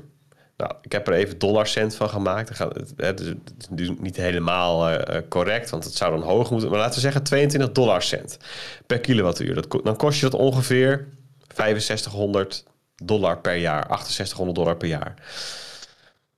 Nou, met deze difficulty heb je dan na drie jaar je machine afgeschreven. Eh, en na betaling van drie jaar aan stroomkosten, dus dan gaat het om eh, nou, eh, een kleine 20.000 dollar, eh, heb je 6600 dollar verdiend. 0,13 BTC. Dus dat is even het. Hè, dus als je denkt van nou, met minen kan je snel eh, iets verdienen. Nou, dit is dus eh, wat je na drie jaar overhoudt. Met de huidige difficulty. En we zitten nu lager dan de all-time high. Dus dat wordt lager naarmate de difficulty hoger wordt. Dus naarmate eh, meer bedrijven of meer mensen beslissen te gaan minen, wordt ook jouw winst lager Ja, in, in bitcoin natuurlijk, hè? Want dan, in bitcoin. je zou dan natuurlijk, het, de, de makkelijke counter is dan, dan is bitcoin in euro's van- waarschijnlijk meer waard. Precies. Maar hè, goed, dus het als, ligt er een beetje waar je naar kijkt, ja. stijgt. Hè, stel dat wordt 0,06 bitcoin. Ik zeg maar het gaat door de helft. En bitcoin is twee keer zoveel waard. Dan heb je nog steeds zeg maar, in, in fiat geld uitgedrukt dezelfde winst. Nou, met een beetje geluk is de afschrijving van die machine, eh, dat, loopt het wat langer of zo. Hè, dat, dat die innovatie wat stilstaat. Dat zou kunnen. En dan kan je nog een paar jaar doorminen. Nou, dan verdien je toch, ja, dan zou het zo kunnen dat je 10, 20, 30.000 dollar hebt verdiend op je investering en je stroomkosten. Ehm, maar is het makkelijk? Hè? Want je vroeg, eh, zei, je noemde passief inkomen. Dan denk ik van ja, nou echt passief is het niet. Want je moet toch best wel wat dingen uitzoeken. En je moet uitzoeken eh, hoe je hem kunt bestellen en waar dan. Vervolgens moet je die machine ergens, eh, ergens plaatsen. En ga je dat dan doen bij een, een, een, een hostingbedrijf die dat uit handen neemt? Of ga je dat zelf doen? Maar je moet eh, de werking van je machine monitoren. Je moet updates van je mining pool, maar ook alles rondom dat Bitcoin-ecosysteem natuurlijk in de gaten houden. Eh, je moet ervoor zorgen dat je machine up-to-date blijft eh, als er belangrijke wijzigingen zijn aangekondigd. Misschien ga je dan wel meedoen ook met het signalen over ehm, aanpassingen die aan het Bitcoin-protocol worden gedaan. Dus 100% passief, dat zou ik het niet noemen. Weet je, semi-passief. Dus je moet, Ja. je, moet, je moet wel echt zien als een Ja, want in eh, jouw, in jouw, ingrijpende hobby. zeg in maar. jouw berekening ga je natuurlijk ook uit van gewoon 24-7, 365 dagen per jaar uptime. Weet je, dat moet je ook nog maar even zien te, te halen. Precies. Als jij drie, drie weken op vakantie bent en op de eerste dag flikkert hij eruit, om maar eens wat te noemen. Ja. Kijk, en als je dan ehm, eh, denkt van ik wil eigenlijk die machine gewoon thuis zetten, dan moet je ook wel rekening houden nog met forse investeringen aan je huis. Eh, want er gaat best wel wat stroom naar zo'n machine. En ja, de gemiddelde stopcontact die trekt het helemaal niet. Een beetje afhankelijk van je bedrading in huis ook. Maar daar, daar zul je wel rekening mee moeten houden. En dan heb je ook nog het geluidsproductie van zo'n ding. Het heeft niet Als je hem op zolder zet, heb je daar, ga je hem gewoon in de woonkamer horen, zeer waarschijnlijk. Om over En je als je hem buren in- nog maar eh, te zwijgen. Precies. En in je kruipruimte, dat heeft ook niet zoveel zin. Dan, eh, dan zit je ook nog steeds naast een stofzuiger. Zo'n ding maakt wel echt een pleurisherrie. Een beetje alsof er, alsof je, eh, alsof er een vliegtuig overvliegt op eh 100 meter Nou, ik weet niet, de meeste mensen hebben ik denk tegenwoordig wel eens een drone gehoord. Zoiets keer tien. Ja, ja, in je huiskamer. In je maar. huiskamer. Ja, inderdaad.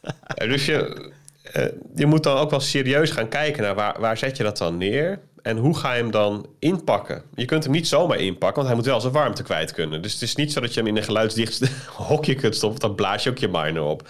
Je, dus daar zitten nog wel wat haken en ogen aan. Het, Ja. is, ehm, het kan wel, als ik, dit is niet bedoeld als volledig ontmoedigen van dit idee. En hebben we het hebben we het daar een paar uitzendingen geleden niet over gehad? Of was dat in... Ja, ja, ja, er was iemand thuis aan het minen en die had Ja. daar een heel... Of het was in de alfa, een van de twee. Maar we hebben het er ergens over gehad, omdat we dat artikel eh, besproken hebben. En volgens Ja, mij hebben we dus- dat in de podcast gedaan. Precies, er is een, ehm, een Amerikaan die dit dus heeft eh, helemaal beschreven heeft. Wat zijn, zijn eh, reis naar, naar thuis Bitcoin minen. Dan zie je ook wat hij heeft aangepast aan zijn huis, Elektra, hoe hij hem heeft ingepakt, hoeveel geluid hij maakt. Er zitten YouTube-video's bij, zijn berekeningen. Ehm hebben ze, waar hij woonde, echt veel lagere stroomtarieven. Dus dat ga je, van hem ga je het niet winnen, zeg maar, in je, in je begroting. Ehm, maar dat, dit kan dus wel zo'n hobby zijn. Eh, ehm, waar je jezelf in kunt verliezen. Waar je op termijn best wel nog wat aan kan, kunt verdienen ook. En, en onderwijl leer je ook nog van alles over Bitcoin en het ecosysteem eromheen. Dus nou ja, als, als, dat, als, je, als dat iets is waarvan je zegt: van, Nou, dat klinkt leuk. En ik heb twee rechterhanden, want die zal je wel nodig hebben. Nou, dan is dit wel een tof idee. Maar ik vind dit stiekem best leuk. Maar, ik zou hier best wel wat mee willen. Maar ik hik dan vooral aan tegen, eh, tegen hier thuis. Ja, ik, ik, ik woon niet eh eh, vrijstaand of zo. Weet je? Dus ik moet wel rekening houden met mijn omgeving. En dat is wel een dingetje. Ja, en ik vind is en, eh, 15k euro's aanschafprijs, dat is ook wel net even... Kijk, een noot is 250, zeg maar. Weet je, dat is, dat, dat is een leuk prijsje voor een hobby. En Ja, hier dit- moet je wel serieus weten dat, het, dat je uiteindelijk je geld eruit gaat halen. Dus dit forceert je wel om, om wat eh, op lange termijn te gaan, eh, Ja, gaan kijken. Ja, als tegenover staat dat je KYC-vrije bitcoin stackt. Ja, maar die stek je ook als je gewoon ehm, je diensten verkoopt in bitcoin. Ja, is ook zo. Maar goed, Ja, goed, inderdaad, we moeten dit niet onderuit schoppen. Het is super vet. Alleen, ja, maar goed. Bert, laat, jou, laat jouw licht er Ja. nog eens even over schijnen. Nou ja, wat Peter eigenlijk introduceert is een framework om hier aan te rekenen. En hij doet daarin twee aannames die een bepaald punt op een curve neerzetten. Waarbij in, met deze twee aannames het op dit moment winstgevend is. En namelijk in drie jaar hield hij 6600 dollar over. En hij zei ook al van, nou ja, als een van de aannames verandert, dan verandert de uitkomst van die rekensom. En je zou kunnen zeggen, misschien zijn er wel drie belangrijke parameters. Namelijk, wat kost je apparatuur? Nou, hij had het nu over tussen 10.000 en 15.000 dollar. Maar je zou ook kunnen kijken bijvoorbeeld naar de... ehm, even kijken, welke had ik hier nou staan? De... Ja, de Watts Miner bijvoorbeeld, die kan je hier kopen voor 2600 dollar. En dan heb je ook 100 tera hash per seconde ietsjes ongunstiger verbruik, namelijk 3400 watt in plaats van 3250 watt. Maar het is natuurlijk super veel goedkoper dan die um, Endminer. Endminer. Ja, precies die, die 19J of die 19 Pro, die zijn allebei heel duur. Ja. En je hebt ook de, de Wattsminer M30S++, en die zijn ook weer heel veel duur. Die zijn ook boven de 10.000 dollar. En het punt is, zit ergens in die markt zijn partijen op zoek naar maximale um, hash rate per joule, zeg maar, per energieunit. En zeg maar de gunstigste punt op die curve, die zijn extreem duur. En strak je af in die curve, dan wordt het ook al heel snel heel veel goedkoper. Dus het hangt ook heel erg af van je situatie of het wat voor soort apparatuur voor je dan zou kunnen kopen. En, en zo'n zo'n Wattsminer M30S Plus bijvoorbeeld voor 2600 dollar maak je sommetje dus anders. Nou, ben je dat ook over 22 kilo, cent per kilowattuur. Maar ja, ik sprak een tijdje terug een paar gasten die, die hadden um, projectontwikkelaars, die hadden ergens een paar dagen op um, distributiecentra. En die kon nog voor 3 of 4 of 5 cent per kilowattuur, weet je, dingen doen. En dan, heb je, dan verandert je sommetje zo ontzettend, enorm, hè, dat je... Ehm, dat het veel eerder bijvoorbeeld weer rendabel is. En dan heb je nog de bitcoin-koers. Want die zit nu op 50.000 dollar. Maar als die naar een ton gaat of naar 20.000... dan verandert ook de uitkomst um, van je winst. Um, overigens, uh, die gast van Blockstream... die zeiden pas in een podcast dat ze... Met, ze hebben heel veel gebacktest. En eigenlijk in al hun modelletjes, rekensommetjes... kwam eruit dat het gunstiger is... als je een bepaald budget hebt bijvoorbeeld, stel dat je 10.000 dollar hebt, dat je dan um, niet van die 10.000 dollar um, hardware koopt, dus zoveel mogelijk miners, maar dat je het verdeelt over hardware en voorziene stroomkosten. Dus bijvoorbeeld 50-50, 5000 dollar aan hardware en 5000 dollar. Dat, dat reserveer je nu vast voor je stroomkosten, zodat je namelijk alles wat je mined in bitcoin kunt houden. Dat je dat niet hoeft te verkopen om je stroom te betalen. Um, hè, dus je zou ook kunnen zeggen van, je geeft nu lump sum 5000 dollar uit en daarna koop, betaal je gewoon je energierekening. Dat zie je eigenlijk als een soort van DCA. -en. Dan, dan verkoop je dus niet on the fly in die drie jaar tijd, hè, wat Peters horizon net was, elke maand een beetje bitcoin voor je, um, voor je stroom. Maar die hou je dus, uh, ik geloof in dit geval, wat was het, 0,25 bitcoin per jaar. Dus dat heb je aan het eind heb je gewoon 0, uh, zeg maar kleine 0,8 BTC. En als je dan gelooft dat over de, hè, verwacht dat over de termijn van jaren die koers ook stijgt. En dan kan potentieel je winst veel groter zijn. Dus ja, je zou gewoon lekker even in Excel of Google Sheets soort uh, je eigen modelletje kunnen maken met je eigen knoppen. En daar dan een beetje mee gaan spelen. En ik kan je dus nu al verklappen dat je niet precies van tevoren gaat weten of en hoe rendabel dit avontuur gaat worden. En je, je komt dus een beetje uit op scenario's. Hè, van nou, als er dit gebeurt met de bitcoinprijs, um, dan uh, maak ik dit verlies. En als er dat gebeurt, dan maak ik zoveel winst. En dan is het, zal het er ergens tussen zitten. Dus, ja. dus, dus, dus het is... Ja, weet je, Peter gaf eigenlijk een voorbeeld van dit zou een scenario kunnen zijn. En als je dit serieus wil, moet je dus allerlei scenario's even voor jezelf gaan uitpuzzelen. Nou ja, om bijvoorbeeld een voorbeeld inderdaad bij, bij dit verhaal van Bert te geven. Ik bedoel, die Amerikaanse miners, die hadden waarschijnlijk niet in hun voorspelling van dit jaar uh, uh, gezet dat de hash rate door de midden zou gaan en dat ze opeens dubbel zo winstgevend zouden zijn, omdat al die Chinese miners moesten stoppen, om maar eens wat te noemen.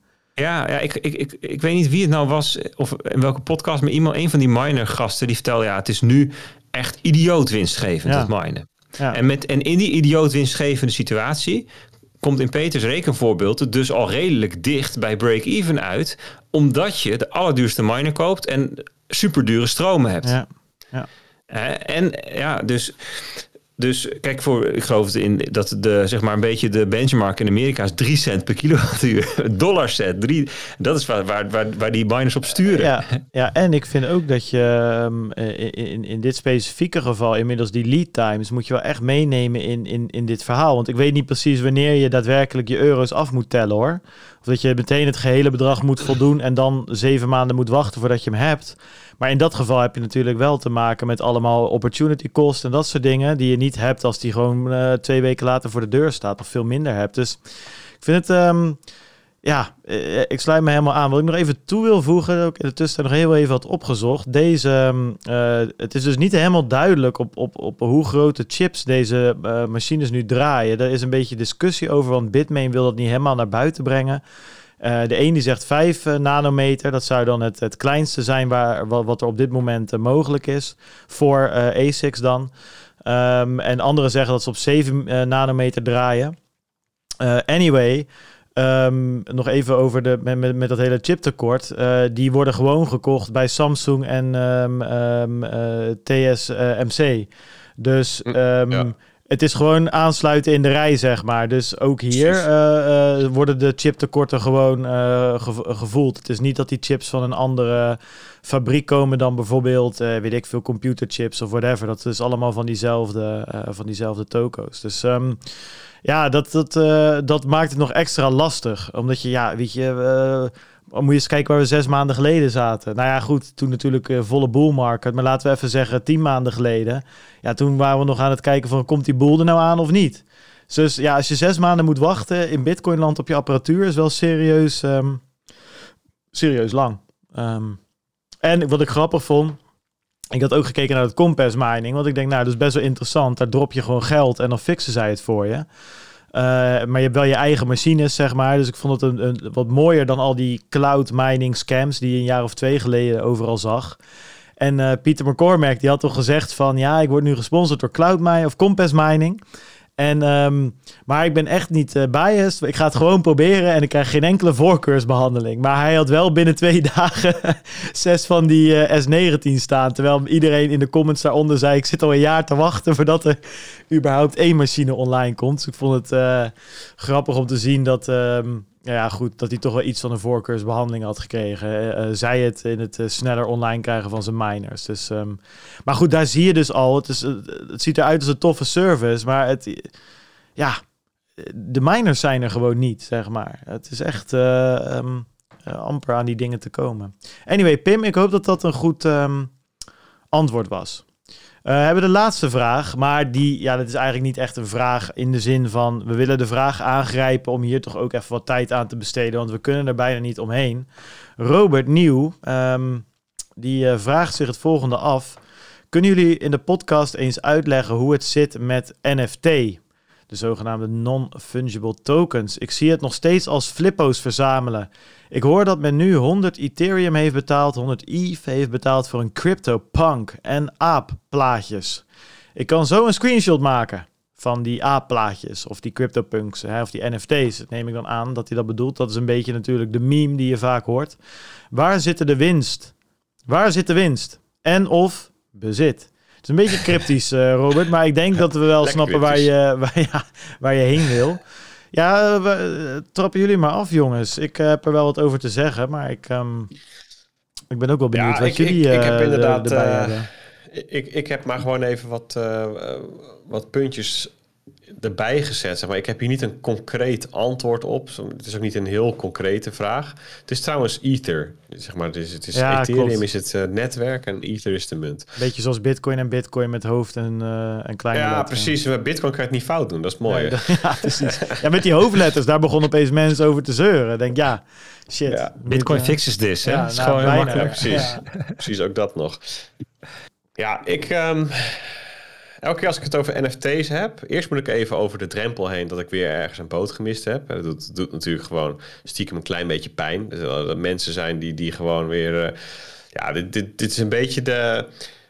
eh, Ik, ik moet dan terugdenken aan die 2017-tijd van al die ICO's. En dan de ene na de ander die, eh, die, die, die, die had dit weer, hier weer de duizenden euro's mee verdiend. En dan zat ik erbij en ik keek, ernaar. Maar nu heb je is hier- vrienden, Peet. Nu heb je ons. Dus hier natuurlijk ook zo. ja, Bert Nu- had je ja, natuurlijk precies. al, maar... Ik bedoel, Maar ja, nu- of het een verbetering is dat ik erbij ben gekomen, weet ik niet. nu ervaren we jouw pijn een beetje. Zeg maar. Ik, al, jij, jij als de, de, had de Uniswap eh, airdrop gemist. Ja, die en, airdrop gekkigheid hebben we nog eh, gehad. Ja. En eh, ja, NFT's, joh. Ik, ik, in de eerste instantie denk ik, ik word oud, denk ik. Want ik zie, ik, ik zie het niet, weet je wel. Ik, dan voel ik me echt een boomer. Dit, dit was... Ik kreeg ook... Ik, ik kreeg voor het eerst in mijn leven dat moment dat ik dacht van... Ja, ik, ik, zie, ik zie het niet. Zeg maar. En, en misschien is, is dit wel wat heel veel mensen... Die, die dan wat ouder zijn dan ik, hebben met bitcoin Ja. het gewoon echt niet zien. Dat je daar gewoon extreem veel energie in moet steken. Wil je het zien? En dat had ik en heb ik nog steeds wel een beetje met NFT's. Ehm, maar misschien zegt mijn, eh, raakt mijn gevoel ook wel gewoon iets wat echt aan de hand is. Namelijk dat er ook hele onzinnige bedragen eh, rondgaan. Zeg maar, eh, dat de hele onzinnige bedragen betaald worden voor, voor, voor NFT's, voor stukjes kunst, voor ja, voor whatever er wordt verhandeld. Zeg maar. Je kunt het heel snel kunst noemen en dan ja, is een containerbegrip voor, voor alles waar mensen waarde aan, aan toedichten en waar een stukje creativiteit in is gaan zitten. Ehm, maar goed, even dat, dat terzijde. Dus, dat, dat, dit, dus dit is de, de stroop waar ik al doorheen moet, wil ik me met NFT's bezig gaan houden. En ik heb me daar een beetje overheen gezet eh, aan de hand van een eh, podcast van Bankless. Die heet NFT Mania.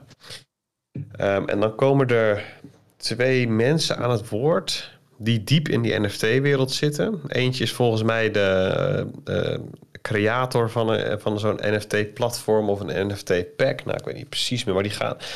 Ja, die spreken dan over. Wat, en dat vond ik wel interessant. Die spraken over NFT's in de eerste plaats als ja. Het is, er is hier sprake van een bubbel geen idee of die bubbel al klaar is met groeien. Maar wat er aan de hand is, is geschift. Nou, een hele kortste versie van, uh, van hun samenvatting. Dus van twee mensen, experts, in de, uh, die in de bubbel zitten. Daar ongetwijfeld ook wat aan hebben verdiend. Maar het is gewoon geschift wat er gebeurt. Uh, er wordt voor een rode pixel wordt er, wordt er een miljoen dollar geboden. En ja, weet je, wat het is, weten we niet precies. Maar dat, dat, dat ziet er niet uit als heel houdbare bedragen vergelijk het met uh, de andere bubbels die we wel eens in de, in de crypto sector hebben gezien. Er is een heel leger mensen nu naar NFT's gegaan. Die staan met z'n allen heel veel herrie te maken. De ene na de andere grote community uh, uh, zeg maar, popt, popt op. En er zitten dan 10.000 man met elkaar te, te blaten. En, en als dat niet meer interessant is, gaan ze naar de volgende. En, en zo zijn er, er zijn wat OG-projecten en er zijn nieuwe. En het, het lijkt een beetje op de altcoin-wereld in het in het klein, wordt steeds groter. Op een gegeven moment hebben we evenveel NFT-collecties als altcoins. En dat groeit waarschijnlijk nog groter ook. Nou, dat, dus het is, het is mania, niet te volgen. Uh, je, kunt het moeilijk waarderen. Nog moeilijker dan altcoins of, uh, en, zeker dan bitcoin. Uh, ja, dus, dus waar eindigt dit was ook de vraag daarvan. Ja, ja, geen idee. Geen idee waar het eindigt, maar zij zagen wel wat signaal in al die ruis. En wat ik wel interessant vond was um, dat NFT's, om NFT's te zien als manier om um, de cultuur van een community waarde te geven. Nou, zo had ik er nog nooit naar gekeken. Hè. Dus wat er gebeurt is. Um, neem, uh, weet ik veel, de, de, de CryptoPunks of uh, hoe heet die apen? Weet, weet iemand dat? Ja, dat is de Board Ape Jachtclub. Oh ja, Board Apes. Board Ape, ja. Dus die CryptoPunks en die apes, dat zijn dus een beetje die OG-collecties. Dus je, je hebt dan een collectie plaatjes. Deze zitten volgens mij in de categorie. Dus net zoals in de, in de, in de hele markt van digital assets, eh, die kan je onderverdelen in een aantal categorieën. Kan je ook de NFT-markt onderverdelen in categorieën. En één hele populaire uh, is de, uh, de profile picture categorie. En dus dit is dan ja, een, een non-fungible token um, met daaraan een, een, profielafbeelding gekoppeld. En een CryptoPunk is daar een voorbeeld van en een aap ook. En dan denk je van ja, oké, leem of zo. Hè, dus dat snap ik. Dat dacht ik zelf op zich ook. In het, hè, maar, maar wat er dus gebeurt rondom die plaatjes is dat er, ja, dat er gewoon een hele subcultuur van van mensen en, en memes en taal en gebruiken om zo'n eh, NFT-collectie heen ontstaat. Met ook weer side projects en mensen die bij elkaar komen, hobby's erbij hebben. En ja, daar gebeuren, daar ontstaat dus een soort van liefde voor zo'n NFT, voor zo'n CryptoPunk, voor die community, voor kennelijk iets waardevols. Want de mensen zijn daar bij elkaar. En die doen meer dan alleen maar die, die CryptoPunks onder elkaar uitwisselen of zo. Of meer dan alleen. Het gaat verder dan dat er grof geld verdiend wordt. Daar, daar, ik wil niet zeggen dat het hetzelfde is, hè, maar, maar het, het gevoel dat Satoshi Radio Community kan, geven, is, vind ik waardevol. Er zijn meer mensen die dat waardevol vinden. Um, en ja, dat gebeurt dus ook rond NFT's. En die communities die dat het beste doen, uh, daarvan zie je ook dat de NFT's het het beste doen. Zou je het kunnen zien als een bepaalde manier uh, om de waarde die je grijpt in zo'n community, die daar latent aanwezig is, dat die naar, naar voren komt uh, in zo'n NFT? Ik vond het wel een geinige manier om erover na te denken. Even afgezien nog van de hele theorie rond NFT's en, en dat daar nieuwe businessmodellen uit kunnen ontstaan en dat dat in, in digitale werelden best wel eens een heel groot fenomeen kan worden omdat daar ook digitale bezittingen logischer zijn. Hè? Dus in de, in de metaverse Um, nou, dat is weer een heel ander paradigma erop. Maar deze vond ik wel interessant om even te noemen. Dan nog even voordat ik een, uh, de, de, het spreekkussen aan Bert doorpaas. Um, NFT als ICO 2.0. Ik, dus, maar, ik moet moeite doen om de, de verschillende paradigma's op NFT's goed te kunnen formuleren en door de ruis heen te kijken. Maar als relatieve buitenstaander is, zie ik vooral veel ruis. Zie vooral veel onzin de markt opkomen.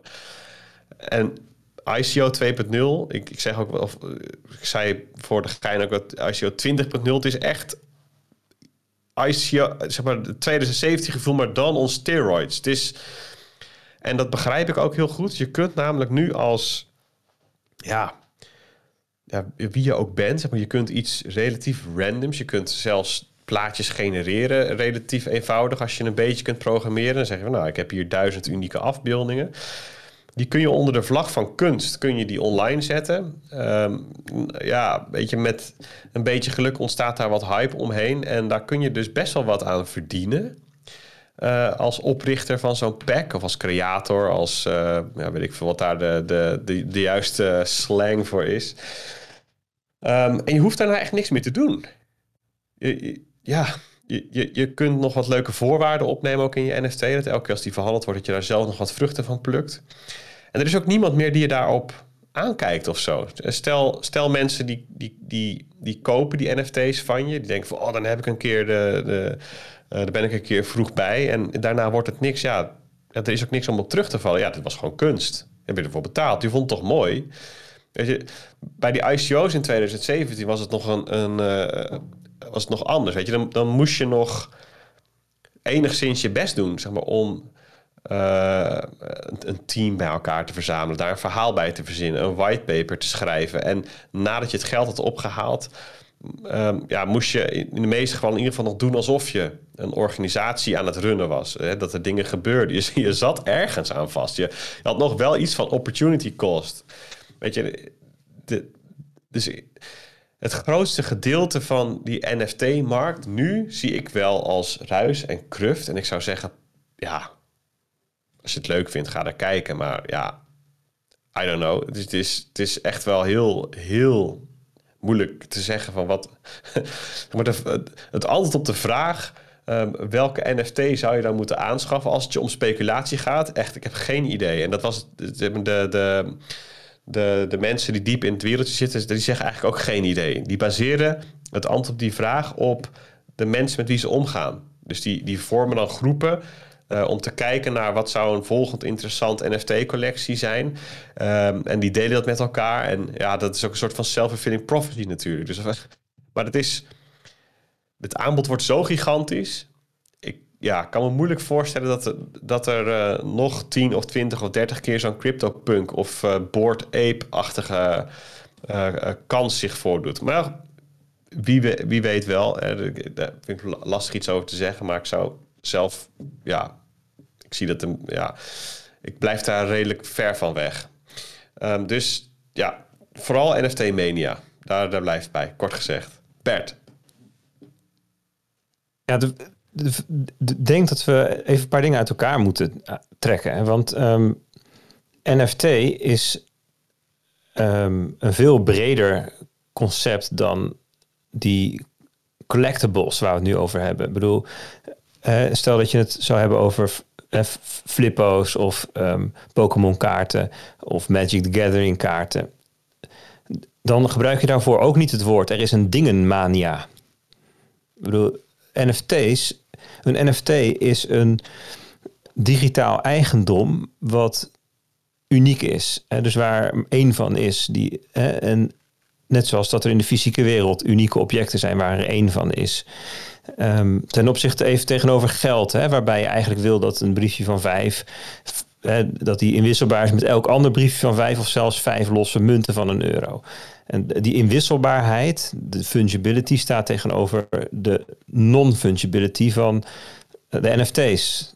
Ik zal mijn klassieke voorbeeld weer even uit de kast trekken als je s ochtends je kind naar de kinderopvang brengt. Dit vond ik zo leuk. ik, heb, ik, ik heb zo gelachen toen hij bij Alexander Klupping deze er doorheen gooide. Ik zat in de auto met mijn vriendin. Ja, nou, die, die dacht, wat is dat voor grappenmaker, joh. Maar dat, uh, Ja, maar dat, daar, daar, daar bedacht ik hem ook ter plekke. Dat is nog het stomme. Dat heb ik meestal dan heb ik ze allemaal van tevoren uitgekookt. Maar als je s ochtends je, je kind naar het kinderopvang brengt, dan wil je heel graag s'avonds exact hetzelfde kind terug en niet zomaar een kind. Of als je een Picasso uitleent aan een goede vriend, wil je daarna niet gewoon een schilderij terug, maar ah, het liefst die eh, eh, Picasso. Even, even terugkomen op die dingen hype. Ben je het wel mee eens dat er nu een NFT-hype is? Dus, dus, dus dat wel een categorische hype is? Nee, nee dus er is nu specifiek een, een collectibles hype. En dat is ook anders dan bijvoorbeeld in uh, het voorjaar. Toen hadden we ook een NFT-hype, werd ook zo genoemd. Maar toen ging, het, toen ging het ook veel meer bijvoorbeeld om die, um, um, die NBA-shots, weet je wel. Dus die, dingen uit uh, die, die, die, die, die, die, sportfragmentjes. En de muziek van Blauw en um, de kunst van Beeple. Het had je wel een ander soort. Dan ging het om unieke werken. En nu gaat het specifiek om collecties die opgezet worden, waar er dan x van zijn, die allemaal verschillen, die vaak gegenereerd worden. Um, die een bepaalde subcultuur inderdaad. Dus het, gaat, het is heel erg social. Er zitten heel veel uh, social art en social collections en weet ik wat allemaal dingen bij. En dus de, die, die analyse ben ik het helemaal mee eens. Dat het echt om culturen gaat. Uh, maar dat is waar nu de, echt sikke bedragen voor worden betaald. Duizend eter voor een steen en zo. Weet je. die stenen die zijn echt. Die ja, een plaatje vanuit, van een ja, steen. Hè? Een plaatje van een steen. Nog niet eens een echte nee, steen. Nee, het is dus niet een plaatje. Nee, maar dat is dus het punt. Het is niet een plaatje van een steen. Is het is het digitale object, de steen. En ik zie nu, het wat ik vanmorgen langs zag komen, is dat er dus. Nu zijn er dus stukjes tekst. En die stukjes tekst die beschrijven hoe jouw uitrusting eruit ziet. Um, dus zulke laarzen, zulke kleren, zulke, zo'n soort uh, mes, weet ik veel. Niet eens plaatjes. En dat is dus, uh, je, je bezit dan die uitrusting. En dat mag dan, dat is, ze noemen dat dan een soort van bottom-up um, object. En die mag dan in verschillende uh, universa die in de metaverse bestaan, op een bepaalde manier eruit gaan zien of zo. Het, wordt heel erg geëxperimenteerd ook met, met, met wat het dan is, maar dat zou dan weer een volgend soort iets kunnen zijn. En het, het punt is, mijn punt is dat, dat zeg maar de achterliggende vraagstuk van NFT's, hoe kunnen we digitaal eigendom um, overdraagbaar maken zonder dat er een centrale partij voor nodig is? Dat vind ik een heel interessant vraagstuk. En dat, dat doen we al met geld, namelijk Bitcoin is de allereerste die dit probleem heeft opgelost. En, um, kijk, het punt is in de fysieke wereld, als ik een fysiek object aan Bart geef, dan is die daarna automatisch van Bart en per definitie niet meer van mij. Weet je, Bart heeft hem, als ik, als ik een, een schilderij of een kopje koffie of wat, dan ook aan Bart geef, dan heeft hij dat daarna en ik niet meer. Ja, dat, dat, dat, dat is het. Maar ook daar hebben we weer lagen overheen gebouwd. Namelijk als jij um, uh, ontoerekeningsvatbaar was en je geeft het aan mij, dan moet ik het wel teruggeven. Sure, sure. alleen de natuurkunde zorgt ervoor eens, dat als ik iets aan jou geef, dat ik het niet meer heb. En dat is in de digitale wereld niet zo. Dus als ik iets digitaals aan jou geef, dan heb ik het daarna ook gewoon nog. En dat is het, het hele mooie van digitaal. Weet je, als ik jou een foto stuur, dan heb ik hem daarna ook. En we hebben exact dezelfde, pixel bij pixel, precies hetzelfde. Dus wat we eigenlijk willen, is de mogelijkheid hebben om iets digitaals aan iemand te geven. Dan, dat, daar, dat, dat het daarna wel van die andere is, niet meer van mij. En dat de intuïtieve manier om dat op te lossen is, of de naïeve manier is om daar een soort van register of een notaris of een centrale partij voor aan te stellen die dat beheert. En die zegt, nou, nu is het van Bert en nu wordt het aan Bart gegeven, nu is het van Bart.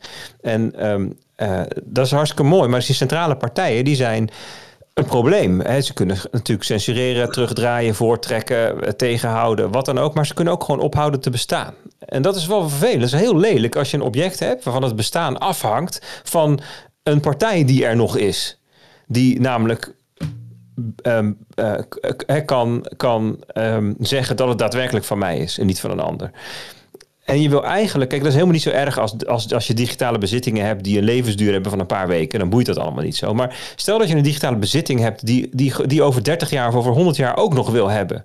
Ja, dan wil je eigenlijk dat dat losstaat van, van een kadaster of een notaris of een, of een overheid of een techbedrijf of wat dan ook. Dat het gewoon is. En dat is wat we met NFT's eigenlijk aan het uitvogelen zijn, hoe dat werkt. En dat vraagstuk vind ik reuze interessant. En onderdeel van die zoektocht gaat zijn dat we allerlei idiote plannen gaan, gaan uh, uitvogelen. Net zoals dat helemaal in het begin van Bitcoin gingen mensen um, uh, gokspelletjes op on-chain doen en weet ik wat voor uh, maffe. ik bedoel, Eric Voorhees was geloof ik daar nog ooit nog voor met pek en veren de deur uitgestuurd. Omdat hij een van de gokspel on-chain had gemaakt. En mensen gingen in, in de gingen allerlei data in die blockchain stoppen, wat, waar anderen dan weer boos over werden. Ja, we- weet je, dat is gewoon in die vroege fase wordt geëxperimenteerd. Dat zie je bij NFT's ook. En ik deel helemaal het gevoel van shit. Ik was te druk met het schrijven van het boek. Dus ik heb in het begin niet opgelet. En nu heb ik niet zo'n steen gekocht toen die goedkoop was. Tuurlijk is dat jammer. Hè? Ehm, en liefst zit je dan gewoon als een soort van kliknerd 24-7 achter je laptop. Om precies op het goede moment die flippo's te kopen. Dus dat stukje FOMO, dat herken ik heel erg. Ehm, en ik word persoonlijk ook niet zo warm van dat soort collectibles toevallig, maar is gewoon wie ik ben. Ik kan me heel erg voorstellen dat sommige mensen dat fantastisch vinden. En zoals er ook mensen helemaal verslaafd zijn aan dat Pokémon Go om al die beesten te verzamelen, weet ik veel wat. Met tegelijk met de hond uitlaten. Dus het moet ook een beetje bij je passen. En als je onderdeel van een community bent, snap ik hem ook nog. Ik bedoel, wij natuurlijk ook allemaal idiote dingen met die fapganzen van ons. Dat is gewoon dat je onderdeel bent van zo'n community. Nou, ik zou jou vertellen, als je nu naar OpenSea gaat, de plek waar die dingen verkopen worden, daar wordt, daar wordt de Fabgans op dit moment voor 1 miljard euro verhandeld. Het is echt het is? NFT mania, hè? 1 miljard Weet- euro voor de Fabgans. Kijk, wij zitten in een, echt wel in een soort in een, in een bitcoin, bitcoin eh, weer, eh, hoek van het ehm, ecosysteem. En daar worden NFT's eigenlijk gewoon niet getolereerd omdat ze op Ethereum draaien. Dus het is shitcoinery en dus moet je er weg van wegblijven. Je bent, eh, eh, je bent een, ehm, ja, je wordt eigenlijk wel een soort als een soort heks op de brandstapel gelegd als je het hier überhaupt over hebt of erin verdiept, weet je wel, in, in, in onze hoek van, van, van, van het ecosysteem. En daarom missen wij dit, dit zeg maar in onze community missen wij de- deze ehm, beweging. Weet je, we kijken er echt van een afstand naar. We zijn er geen onderdeel van. Vind ik op zichzelf best wel jammer, omdat het wel, om- omdat ik namelijk de technologie gewoon leuk vind om te zich te zien uitkristalliseren. Hè, En ehm, dus, dus dat aspect ervan vind ik leuk. En, en, ehm, en ik denk dus eigenlijk ook dat het wel weer overgaat. Dat we straks. ehm, want ja, want dat is een beetje het punt hiermee. Er is geen vraag naar NFT's. Die bestaat niet. Net zoals dat er ook geen vraag is naar dingen. Er is een vraag naar eh, eh, auto's, of een vraag naar Audi's, of een vraag naar Audi RS6.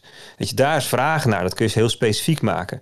Maar er is geen vraag naar NFT's. Er is een vraag naar ehm, kunst van Beeple. Of er is een vraag naar eh, CryptoPunks. En die kan ook stoppen er te zijn. Ik bedoel, nu, nu wil iedereen Audi's en misschien in de toekomst nooit helemaal niet meer dat Audi's uit gratie zijn of wat dan ook. Dus, dus dat is ook een beetje het punt. Ehm, het is niet zo dat je zeg maar rijk wordt door een NFT te kopen. En net, ik bedoel, je moet kenner zijn van het object wat erachter zit. Dus, dus bedoel, we hebben het vaak over kunst eh, of over sociale bewegingen. Je moet dus een kenner zijn van de kunstenaar of van de sociale of van de community die achter die sociale beweging zit. En stel dat NFT's straks vastgoed gaan representeren, ja, dan, dan ik bedoel, het heeft geen zin om een vastgoed te kopen. Je moet je verdiepen in wat voor vastgoed je koopt. En natuurlijk zijn er mensen die zeggen, ja, nee, maar goed, een penthouse in Londen zit je altijd goed. Ja, dat, maar zelfs daar, weet je, je moet je dan verdiepen in zo'n markt. En dat, is, dat zal met NFT's ook zijn. Die representeren iets van iets digitaals waar je dus in het achterliggende zult moeten gaan verdiepen. Ja. En Ja, dat is vind- ik- heel... Ja, ik vind deze afslag een beetje lastig. Zeker in, in, in, in die huidige markt. Want ja, hoe moet je je nou verdiepen of een steen een miljoen waard is, weet je wel? Dat, dat, dat, slaat, dat slaat gewoon letterlijk nergens op. Ehm, Nee, dus dat is, dan moet je dus een inschat... Nee, maar goed, dit stuk van de markt, dat is... Ik, ik vind het nu ook nog niet echt... Nee.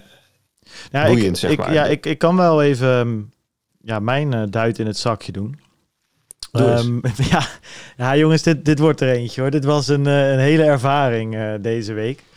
Ik had hetzelfde als Peet een beetje. Ik ben natuurlijk, eh, weet je, de, de, de old school Satoshi Radio luisteraars, die refereerden er nog wel eens aan. Waar is die ICO van de week gebleven, jongens? Hè? En ja, Wijnand en ik zijn eigenlijk helemaal vanuit die ICO-rage gestart. Eh, met, met de podcast ook. En, eh, en dat was natuurlijk allemaal op, ook op Ethereum. Dus ik heb daar mijn eerste vlieguren waren vooral Ethereum uren. Ik heb er echt wel, wel echt diep in dat netwerk gezeten en snapte wel hoe dat werkte. Eh, en toen daar helemaal uitgevallen en met Bitcoin bezig gaan houden. En wat Bert zegt, in die Bitcoin hoek terechtgekomen nou voor de afgelopen twee jaar eigenlijk. Of drie jaar. Ja, ja twee, tweeënhalf jaar, twee jaar. En ehm, ja, toen waren er eigenlijk van de week twee dingen. Nou, precies wat Peter zei van... ik hoorde mezelf steeds vaker zeggen van ja, bij NFT's, daar is geen onderliggende waarde of zo. En bij elke keer dat ik dat zei, was het als een soort Pinocchio. Begonnen er, begon ik meer op Joost van Kuppenveld te lijken. Of op eh, eh, Warren Buffett of zo, weet je wel. Dat ik steeds meer eh, de, de dingen die ik Warren Buffett over Bitcoin hoor zeggen, begon ik zelf te zeggen over NFT's. En toen dacht ik van ja, tegen al die boomers zeggen wij als bitcoiners van ja, maar waar heb je het nou over? Je snapt het niet en dit en dat. En, en hier zeg ik hetzelfde over die NFT's. En daar had ik zoiets van ja, misschien moet ik toch maar eens um, de daad bij het woord voegen en uh, skin in the game. En gewoon eens mijn, mijn, mijn, de dingen die ik, die ik denk over die NFT's is echt gaan testen. Gewoon één keer. Net als dat ik toen met DeFi een keer gedaan heb. Ook een DeFi-transactie gedaan. Dat kostte toen daadwerkelijk 200 euro. Toen dacht ik, oké, nou vastgesteld. Het kostte me een zak duiten, maar het is, eh, het is gelukt. Nou, het was ook nog, dat, dat maakte het verhaal wat, uh, wat, wat, wat interessanter. Ik was ook al een tijdje op zoek. Um, ja, ik zat allemaal uh, boeken te lezen over de touw en uh, over uh, andere dingen om na te denken over het bestaan dan, dan, west, dan de westelijke, we, ja, hoe noem je dat? De westelijke gedachten en, en, en dergelijke. En daar stond in, dan moet je ook eens een keer um, iets van psychedelica proberen of zo, om dicht tot jezelf te komen. Ik denk, wat is er nou een beter idee om die twee dingen tegelijk te doen? Dus uh, ik had, dat is gewoon trouwens overigens legaal in Nederland voor duidelijkheid. Dus ik had een zakje met truffels gekocht en toen dacht ik, ik ga ook een NFT kopen. Nou, ik kan je vertellen, het was een fantastische avond en ik heb de, de, de hoe noem je dat? Ik ben eruit wat NFT's zijn en ik weet wat wel waarde heeft en wat niet. Anyway, ik ben naar OpenSea gegaan. Uh, en daar ben ik gaan kijken wat op dat moment de trending NFT's waren. En wat, wat Bert al zegt, en Peet ook. Op dit moment heeft het helemaal niks meer met people te maken, niks meer met kunst te maken, niks meer met eigendom te maken. Er is één model. En dat is, we maken 10.000 plaatjes die bestaan uit verschillende onderdelen. Een verschillend brilletje of een verschillend hoedje of een dingetje.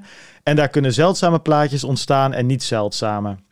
En dat is wat er met CryptoPunks gebeurd is. Dat is wat er met die apen gebeurd is. En dat is letterlijk wat er met alle nieuwe fantastische dingen ook gebeurt. Dus, uh, en het draait puur om hype. Dus ik ga kijken en er was dus een project. En uh, dat ging dus over doodskoppen met verschillende hoedjes en snorretjes. En uh, daar zaten 30.000 man in de Discord. Dus ik denk, we gaan op naar de Discord. Nou, daar ging het alleen maar over um, uh, hoe het minten van die NFT's fout is gegaan. En het minten van zo'n ding moet je vergelijken met de ICO zelf, uh, drie jaar terug. Waar je daar je tokens kreeg als je geld, als je ether stuurde, krijg je hier je NFT terug. Maar het probleem is, dat moet je dus met een smart contract doen. Er worden 10.000 van die dingen gemaakt. En er zitten 30.000 man die er eentje willen. En je kan er ook nog eens per adres meerdere kopen. Nou, dan snap je het weer. Dan worden het gas wars. Dus je hebt heel veel teleurgestelde mensen die geen NFT kunnen kopen. De mintprijs was 0,08 ether en ze werden op OpenSea verkocht voor 0,8. Dat ging al tien keer over de kop. Dus ik dacht van oké, skin in the game. Ik koop een doodshoofd met hoed. Uh, voor 0,8 ether. Dus ik dat ding gekocht. Uh, ik had dat geld nog van een andere airdrop. Ik denk, nou, shitcoins omzet in shitcoins, daar, daar kom ik nog wel mee weg als ik dit vertel. Dus ik denk, dat doe ik. Uh, voor de wetenschap, voor science, ik zo'n ding gekocht. En uh, de reveal, die zou later plaatsvinden. En dan wist je of je een zeldzame had, ja of nee. Um, nou, die zou 11 uur s'avonds plaatsvinden. Dus ik zat vol verwachting klaar. En nou ja, goed. de developers kwamen in de Discord en die zeiden, ja, sorry, fout in het smart contract. De reveal is uitgesteld. Nou, en toen, um, ja, toen kwam ik in een soort van meta-fase terecht. Ik uh, zat aan de ene kant uh, had ik een pizzaatje en een, en een lekker 0.0'tje. Ik zat rustig op de bank. Ik was helemaal één met de natuur door mijn, door mijn psychedelische trip. En ik had aan de andere kant mijn Discord open. En ik zie daar 30.000 man hopeloos over elkaar heen vallen dat, dat ze hun geld zijn kwijtgeraakt. Want de reveal moest het grote moment worden. Dus pure paniek. En ik zat ernaar te kijken en ik dacht, nee jongens, hier, um, dit heeft niet te maken met of ik snap wat kunst is, ja of nee. Dit is pure greater full hype. Uh, hier zit letterlijk niks achter, 100% niks. En um, eerst had ik nog zoiets van, ja, ben ik nou de boomer en snap ik het niet? Nee, we snapten het heel goed. Dit gedeelte van die markt, en ik ben het helemaal met Bert eens, je moet het uit elkaar trekken. Je, dus je moet dit gedeelte, die, die collectibles die je nu ziet gaan voor die prijzen, daar zit niks achter. En er blijft op een gegeven moment iemand achter met een plaatje van een doodskop, eh, met een bril en een hoed, waar die 200.000 euro voor heeft betaald en, eh, en er blijft niks over. En je zag het ook meteen terug. Maar hij heeft dan nog wel een plaatje waar hij blij mee Precies. is. En hij is echt Ja. de enige die dat heeft. Maar je zag het ook terug. Dus de prijs ging meteen van 0,8 naar 0,4. Ehm, ja, mensen, je, ziet, je zag ook dus teams die zelf aan het minten zijn, hè, die zichzelf voortrekken. eh, die dumpen op mensen eh, en daarna zeggen ze van ons smart contract was kapot.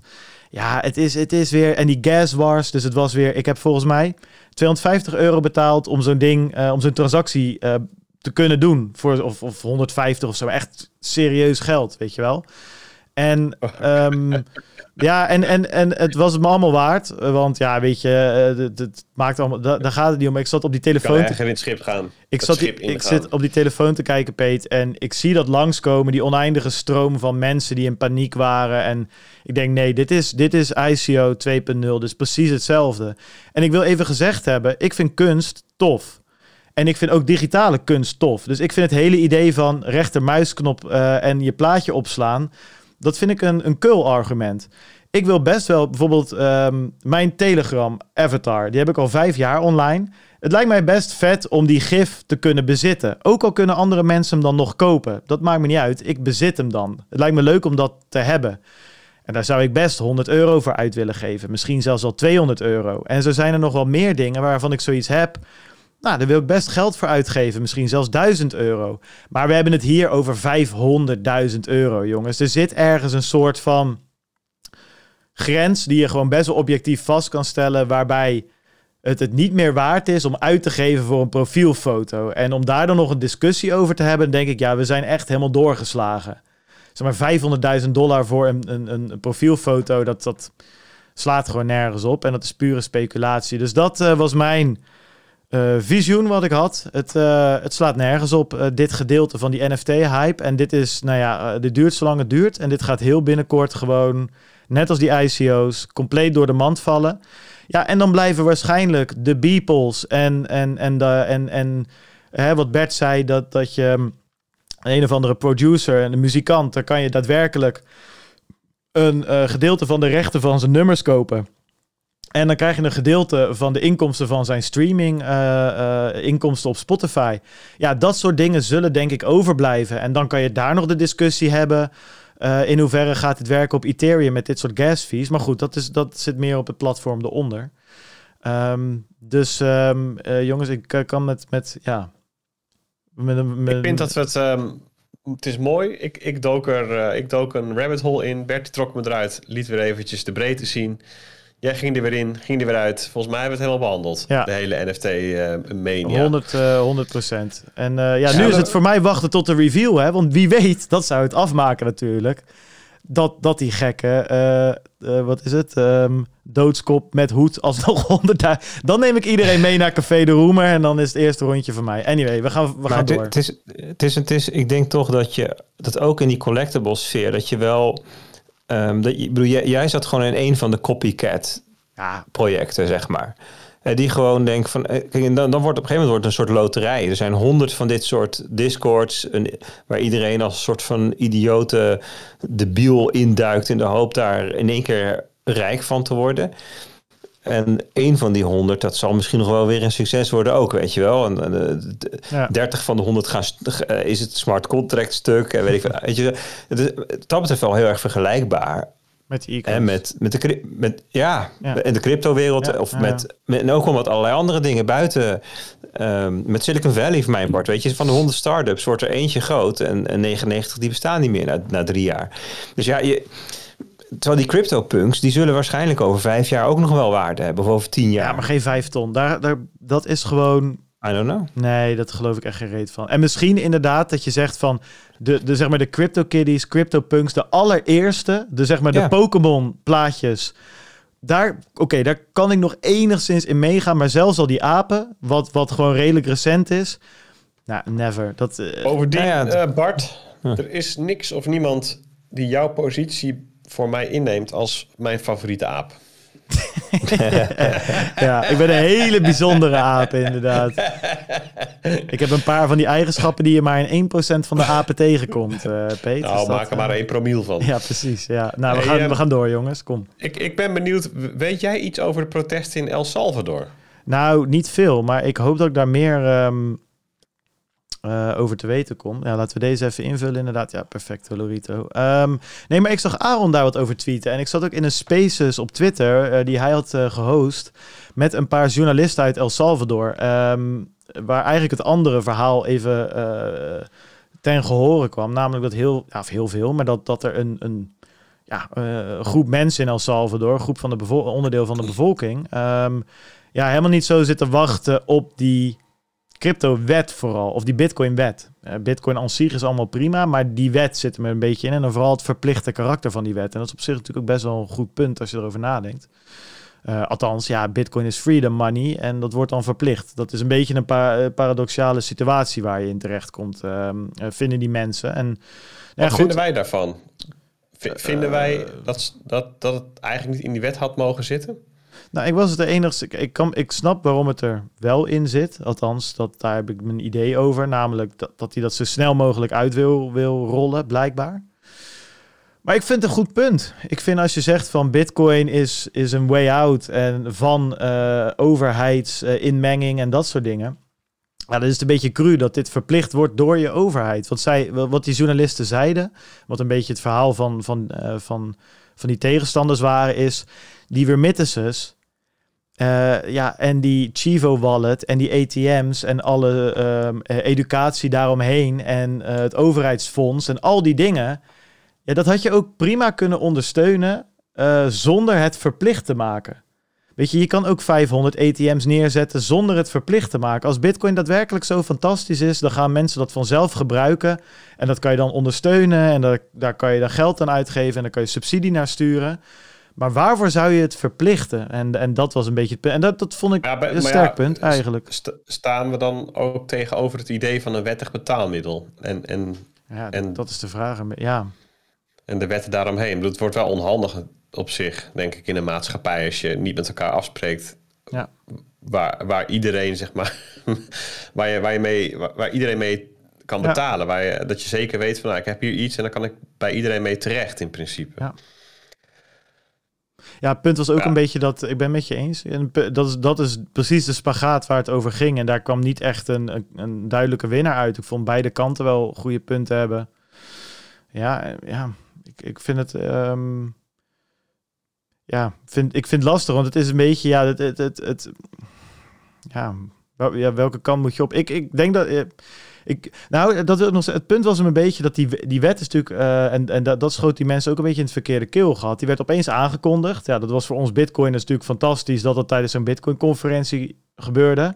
Ja, als je in zo'n land woont, denk je, ja, wat, wat, wat zijn, zijn wij op, Waar, wil je graag populair doen bij de rest van de wereld? Hallo, wij zijn je bewoners. En uh, ik moet dit horen via via of zo. Dat, dat speelde een beetje.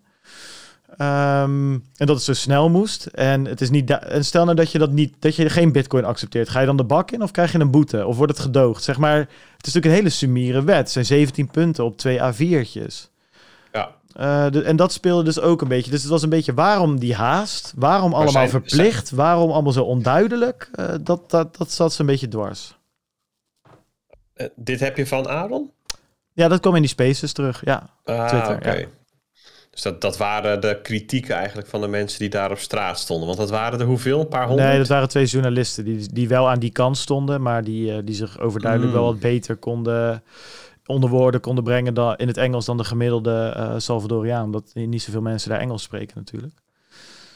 Um, ja, en wat ik nu zie op Twitter is dat er toch wel aardig uh, bonkje mensen daar aan het protesteren is. Uh, ik bedoel, het is geen Black Lives Matter-achtige proporties, maar toch ja, het is geen hondenkop met een, uh, met een spandoek. Toch wel meer mensen als ik het zo bekijk. Ik, ik, las dat Aaron zei van ik schat in dat het er 200 waren. En ik las eh, later in een artikel ergens dat het er rond 900 waren. Vond ik wel een aardig groot verschil. Ja, het is ook meerdere dagen volgens mij. Dus het is, het is niet één protest, zijn meerdere protesten ook weer geweest. Dus um, ja, ik, ben, ik, ik, ja, ik ga het zien. Dat is het, een beetje het voorrecht wat we nu hebben. We kunnen het dus uh, zelf gaan bekijken. Ja. Ja, het is wel... Ja, oké. Ja. Ja, ik ben ook heel benieuwd. Ja, dan hadden we dus eigenlijk even in moeten duiken verder. Van, ja, als dat al überhaupt... Nee, maar ja, dit, eh, dit is wat er nu te zeggen is, zeg maar. Want eh, het, het, het, het gaat er dus om dat het zo onduidelijk is.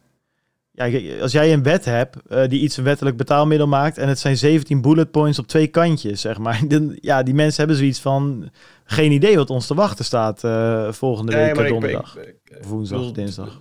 Ik kan me, kan me zo voorstellen dat, ehm, eh, eh, dat een deel van de groep eh, een soort van fundamenteel tegen de wet is. Hè, dus dat het niet per se gaat over eh, communicatie en informatievoorziening en educatie en termijn, maar dat het bepaal- bepaalde Ja. ja, eh, activisme gebaseerd op bepaalde standpunten of zo. Maar dat, dat, dat weten we dus eigenlijk niet. Zeg, waar, waarom die groep op de been is gekomen. Nou ja, een beetje van beide. De een echt fundamenteel tegen die wet en de ander gewoon omdat ze... Ja, en ook omdat, dat hoorde ik ook terugkomen, dat dit een beetje een verkapte vorm is om... eh, een beetje te- te- tegen die president...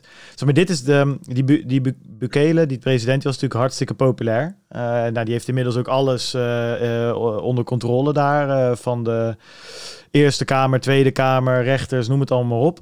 Ehm, dus het is best wel moeilijk om oppositie te, te, te bieden aan die vent. En dit was een manier waarop dat wel kon, omdat er, dit was eigenlijk de eerste keer dat hij een soort van keuze maakte waar niet echt groot draagvlak voor was. Dus eh, er zijn ook gewoon mensen die het niet zo heel erg op die president eh, gezien hebben. Zoiets hebben van, nou, hier hebben we eindelijk een keer een soort van kans om een, iets van een critical mass te pakken. Eh, dus wij sluiten ons gewoon aan omdat we tegen zijn. Dus er zijn meerdere, meerdere redenen waarvoor er mensen meeliepen in die, Ja, in die mars. Oké, cool. Ik zet er een streep door. Ik heb hier een vlieg voor mijn neus de hele tijd al. die zit ook een soort van op mijn mic, in mijn mond. Pof, dood. Klaar. Oké. Ehm, Zo.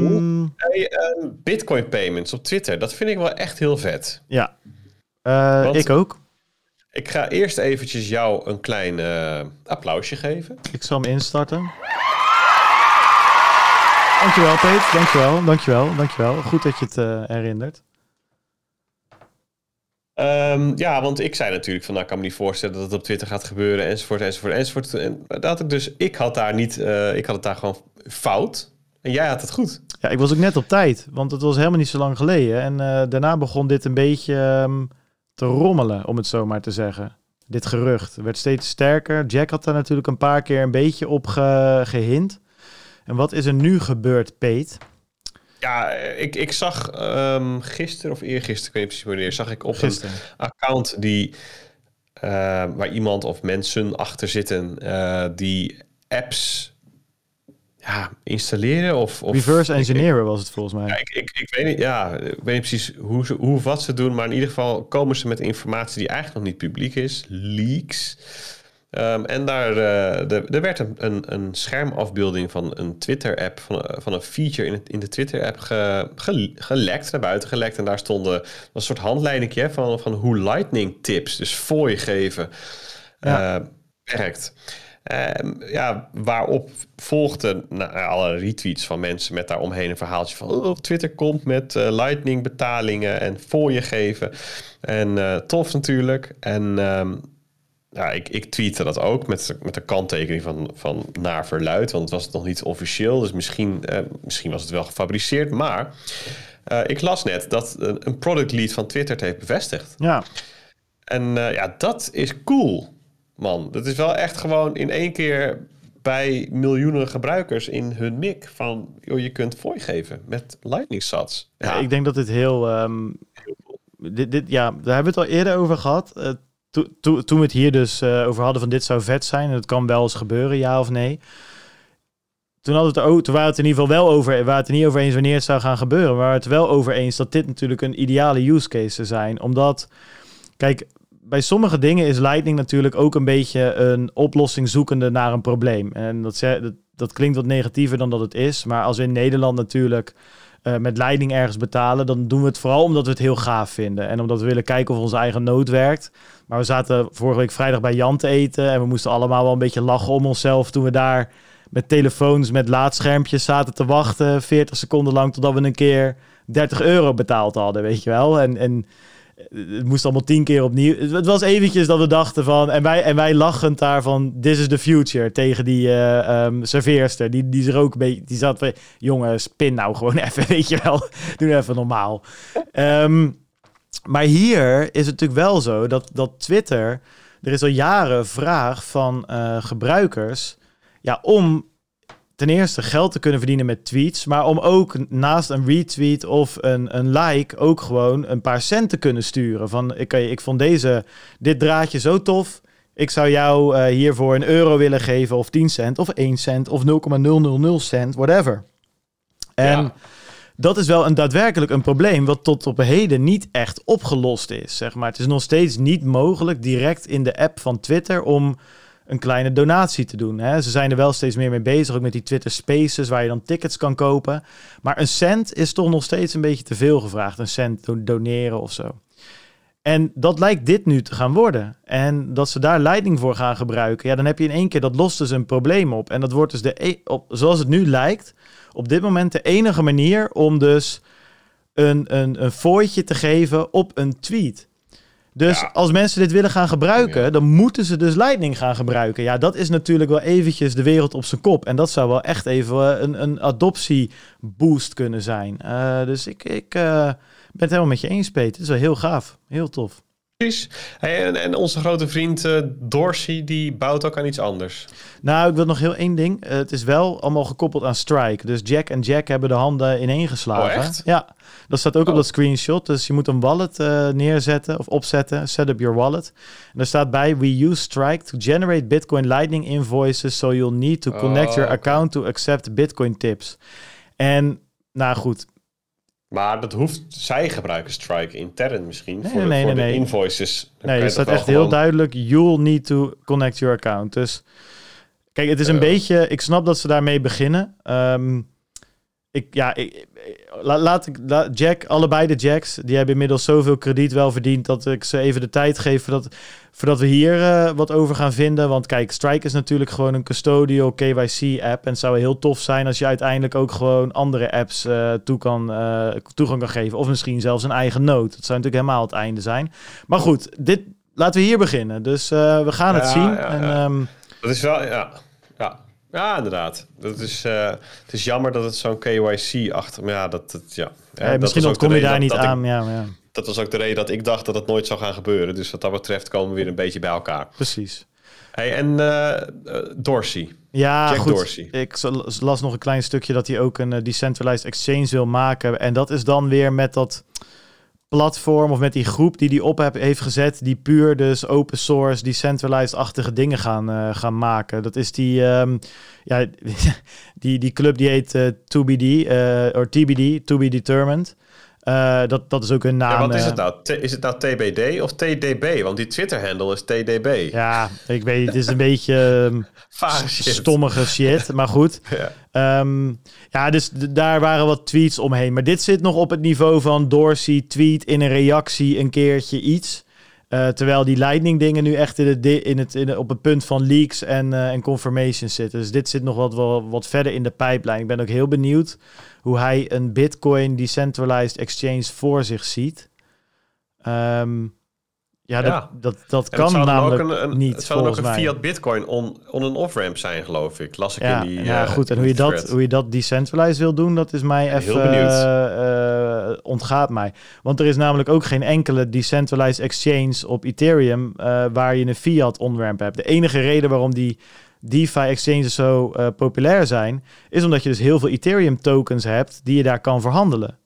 Eh, en met een Bitcoin decentralized exchange, ja, tegen wat wil je Bitcoin gaan verhandelen? Ja, tegen euro's. Maar daar moet je toch volgens mij een banklicentie voor hebben. Dus ik vind dit een. eh, ik ben, ja, ik ben benieuwd hoe die dat ehm, voor elkaar wil gaan krijgen.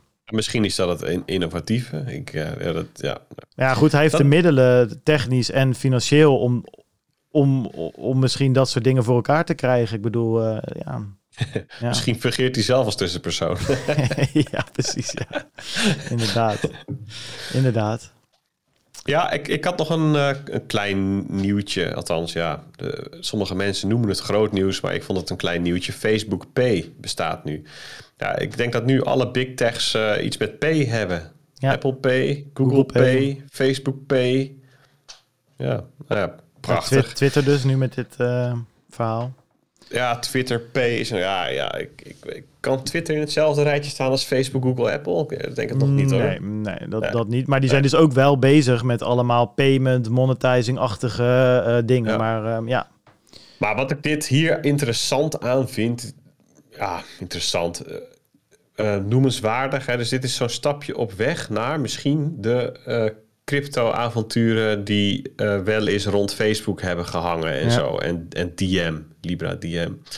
Nou ja, ze hebben dus dan in ieder geval een soort van de wallet interface. En er hoeft dan alleen nog maar een coin aan toegevoegd te worden.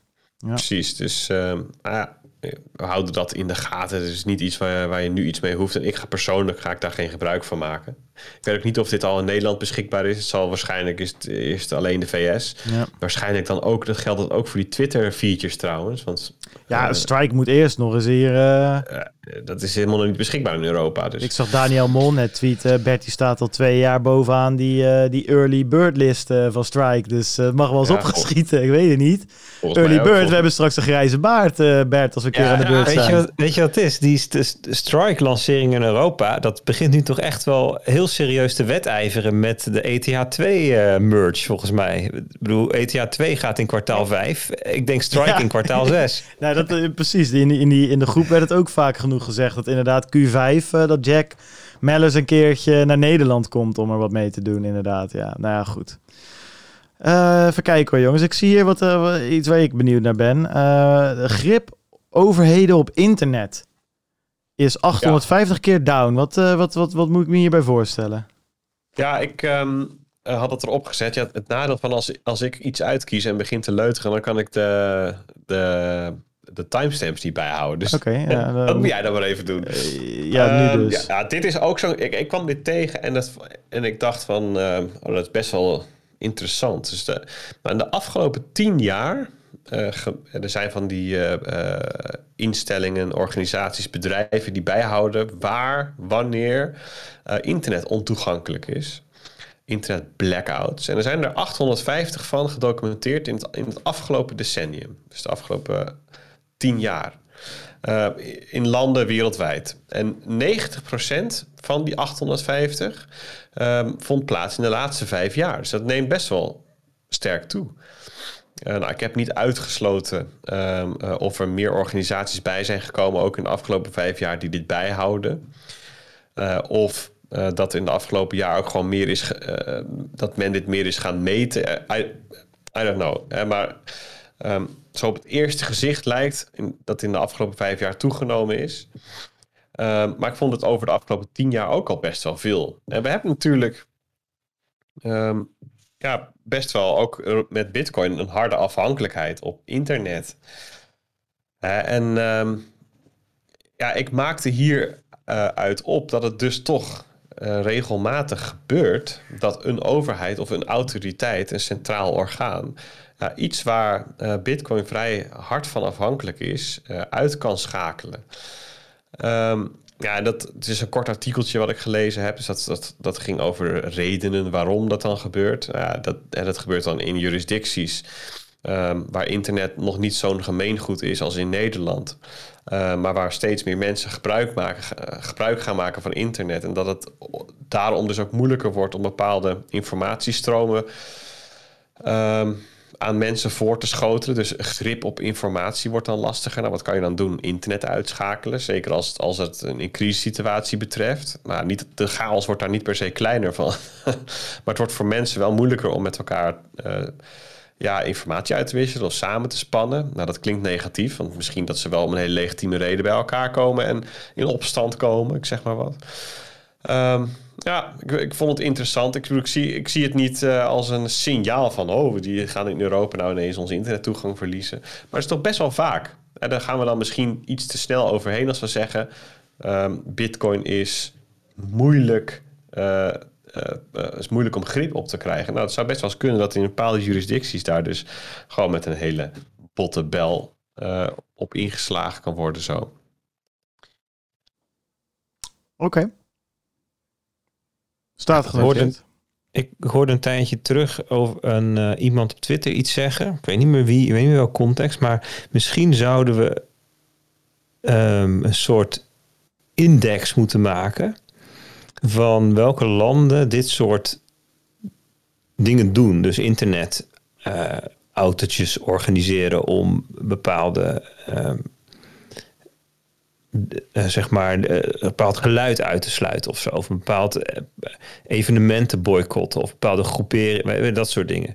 Zodat je, dat je, het, dat je, dat je mensen niet mee weg laat komen. Zo. Ik vond het wel een grappig idee. Ja. Ja. Ja, kijk, ik zit, ik zit ook een beetje na te denken van wat betekent dit voor, voor Bitcoin? Ja, kijk, ja, voor mij hebben we het hier al een keer eerder ook een beetje over gehad. Kijk, als een land een inter het internet uitsluit, het is zo'n draconische maatregel. Dan moeten wel echt. Nee. Uh... De reden dat ik dit even noem is niet omdat ik verwacht van, nou, dit wordt. Dit, dit is zeg maar de, de exit voor overheden van, mm -hmm. van hiermee kunnen ze Bitcoin even uitschakelen of zo. Uh, meer om gewoon even een beeld te geven bij aantallen. Ja. Van, eh, dat, dat het dus wel regelmatig gebeurt dat internet gewoon dat daar dus even lokaal de stekker uitgaat. Ja. ja lokaal, dat kan dus dat kan miljoenen mensen betreffen. En dus ook op plekken waarvan wij zeggen van dat is, dat is waar de bitcoin nu een belangrijke rol speelt. Want dat zijn vaak dat soort jurisdicties. Ja, nee, dat, dat, dat, is, een goed, dat is een goed punt inderdaad. Dus gewoon even uh, als uh, gewoon even wat zaadjes, even ingrediënten in de mix van, uh, van het verhaal, zeg maar. Nee, inderdaad, dat Bitcoin, bit, Bitcoin, Bitcoin als, als macro fenomeen doet dat niet zoveel. Hè? Het draait gewoon door, elke 10 minuten een blok, bla bla. Is het niet in Afghanistan, dan wel in China, dan wel in Venezuela. Maar zij natuurlijk in Afghanistan zit op dat moment. En daar besluit de overheid uh, of de Taliban of whatever... met een paar Black Hawks uh, in een of ander servercentrum in, uh, in te vliegen. Of het gewoon uit te zetten. Eigenlijk is dat natuurlijk wat jij, wat jij zegt. Ja, dan, dan zit jij ja. wel eventjes uh, uh, met de gebakken Precies. peren daar. Dat zit je natuurlijk sowieso vaak al in dat soort landen. Wat, uh, dan heb je even wat minder aan de optie die Bitcoin je geeft ja. om uit te stappen. Eens. Dus als je dat dan al had gedaan, dan, dan is Moet ik wel, wel weer zeggen dat bijvoorbeeld... Um, en dat soort dingen gaan steeds vaker natuurlijk komen... is dat er geruchten zijn dat in de nieuwe iPhone... Nou, hebben de meeste mensen in... Uh, Gambia niet nieuwste iPhone, maar misschien over tien jaar, misschien over tien of twintig jaar wel dat soort technologie. Um, da daar schijnt dus een, een, satellietontvanger in te komen, zodat je kan, kan satellietbellen. En um, dat is dan wel een speciaal soort low-orbit satelliet die alleen boven het westen zweeft, hè, omdat het anders te duur is, bla bla bla. Anyway, dat gaat ook niet per se over nu, maar dat gaat wel over tien jaar. Weet je, als die hele dampkring of die hele, uh, wat is het? Um, uh, niet de dampkring, wat er net boven zit, waar al die uh, satellieten in zweven. Als dat helemaal, ja, Bertie weet dat wel, denk ik. Stratosfeer bedoel Ja, precies. De, de atmosfeer of stratosfeer. Als dat op een gegeven moment helemaal vol zit met al die Starlink-satellieten. Daar, oh, daar heb ik een vette site voor trouwens, jongens. Dat gaan jullie tof vinden. Die heet um, Leo Labs. En dan moet je even googlen op leolabs.space. En dan heb je een visualization. En heb je dus een wereldbol. En daar oh ja. zie je dus alle uh, in real time, zeg maar, de, uh, de, de satellieten boven zweven. En het zijn er echt moeilijk veel. En zo nu en dan zie je dus een soort van treintje langskomen. En uh, dat zijn die Starlink-satellieten. Die gaan echt in een trein om de, om de aarde heen. En hier zit ook allemaal andere... Als je nog debris aanzet, dus eigenlijk gewoon troep... dan zie je helemaal wat voor zootje het is. Dat zijn allemaal rondvliegende stukken oude satelliet... Wat daar trouwens nog interessanter is om eens over te lezen, dat als we op deze manier doorgaan, uh, we wel eens onszelf op kunnen sluiten uh, op, de op de aarde, omdat er straks zoveel rotzooi uh, in, de, in, de baan, in een baan rond de aarde zweeft.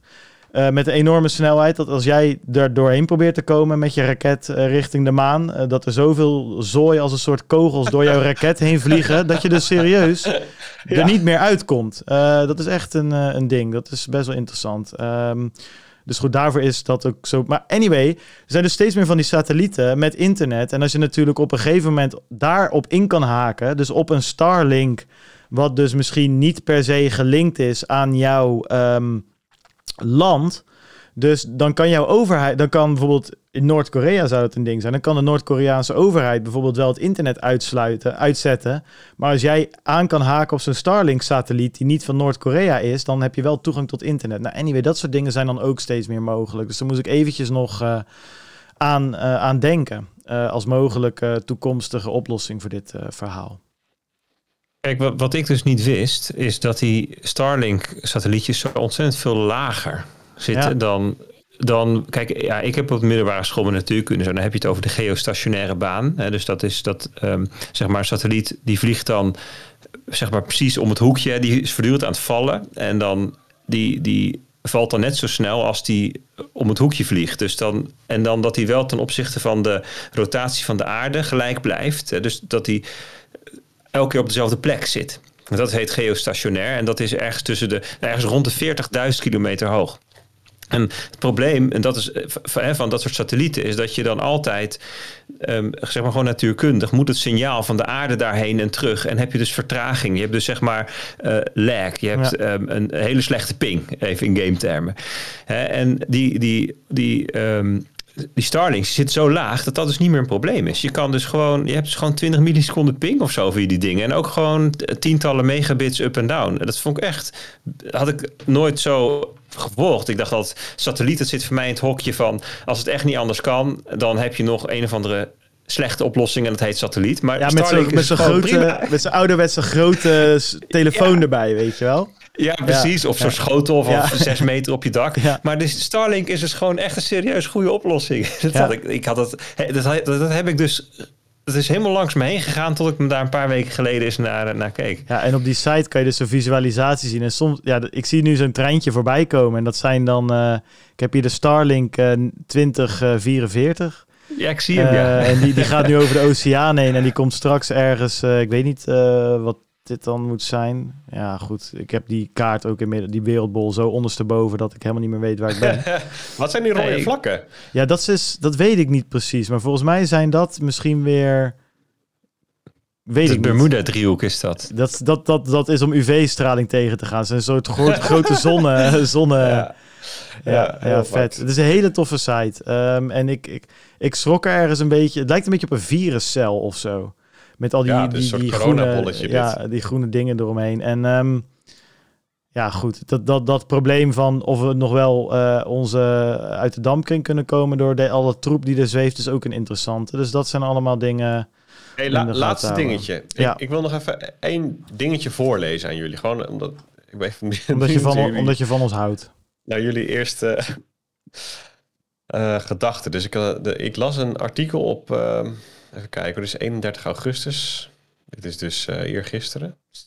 Dat ging op, uh, over van op, opsporing verzocht. Bitcoin-handelaar mishandeld en van 40.000 euro beroofd. Een man die dacht een goede deal te sluiten, werd in plaats daarvan met geweld overvallen en van tienduizenden euro's beloofd. Beroofd. In het hotel waar het incident beroofd, zich afspeelde zijn Beroofd, ja. Nee, zij beloofd. Dat zijn andere scams. Die zien we ook beroofd, vaak, maar... Ja, be beroofd. In het hotel waar het incident zich afspeelde... zijn vier verdachten op beeld vastgelegd. Het slachtoffer handelt in cryptomunten. Hij had in het Amsterdamse hotel afgesproken met een man... die hem bitcoin te, te koop aanbood voor contant geld. Met de bewuste man had het slachtoffer al eens eerder zaken gedaan... wat probleemloos was, was verlopen. De onbekende man nam het slachtoffer mee naar een hotelkamer waar ineens twee mannen uit de badkamer tevoorschijn kwamen. Vervolgens werd het slachtoffer door de drie overvallers geslagen, met wapens bedreigd en met handboeien en tape vastgemaakt. Behalve de 40.000 euro die het slachtoffer cash bij zich had, namen de mannen zijn telefoon mee en maakten ze een, een foto van zijn paspoort. Wat is het eerste wat zo bij jou opkomt, eh, Bart? Um, ja, tijd om um, um, een einde te breien aan de podcast en in niemands land te verdwijnen. nee, maar hij, hij, was, maar hij ging dus uh, met euro's bitcoin kopen, hè, het slachtoffer. Want hij is dus beroofd van zijn cash geld. Ja, maar... Uh, ja. Oké. Okay.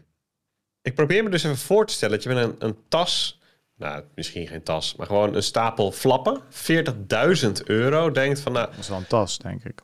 is een goed idee om op een hotelkamer daar bitcoin voor te kopen.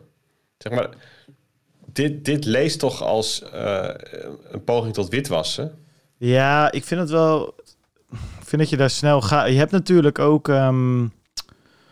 Godsam, hoe heet die? Local bitcoins. En echt niet iedereen die op local bitcoins uh, aan het handelen was, um, deed dat om um, geld wit te wassen.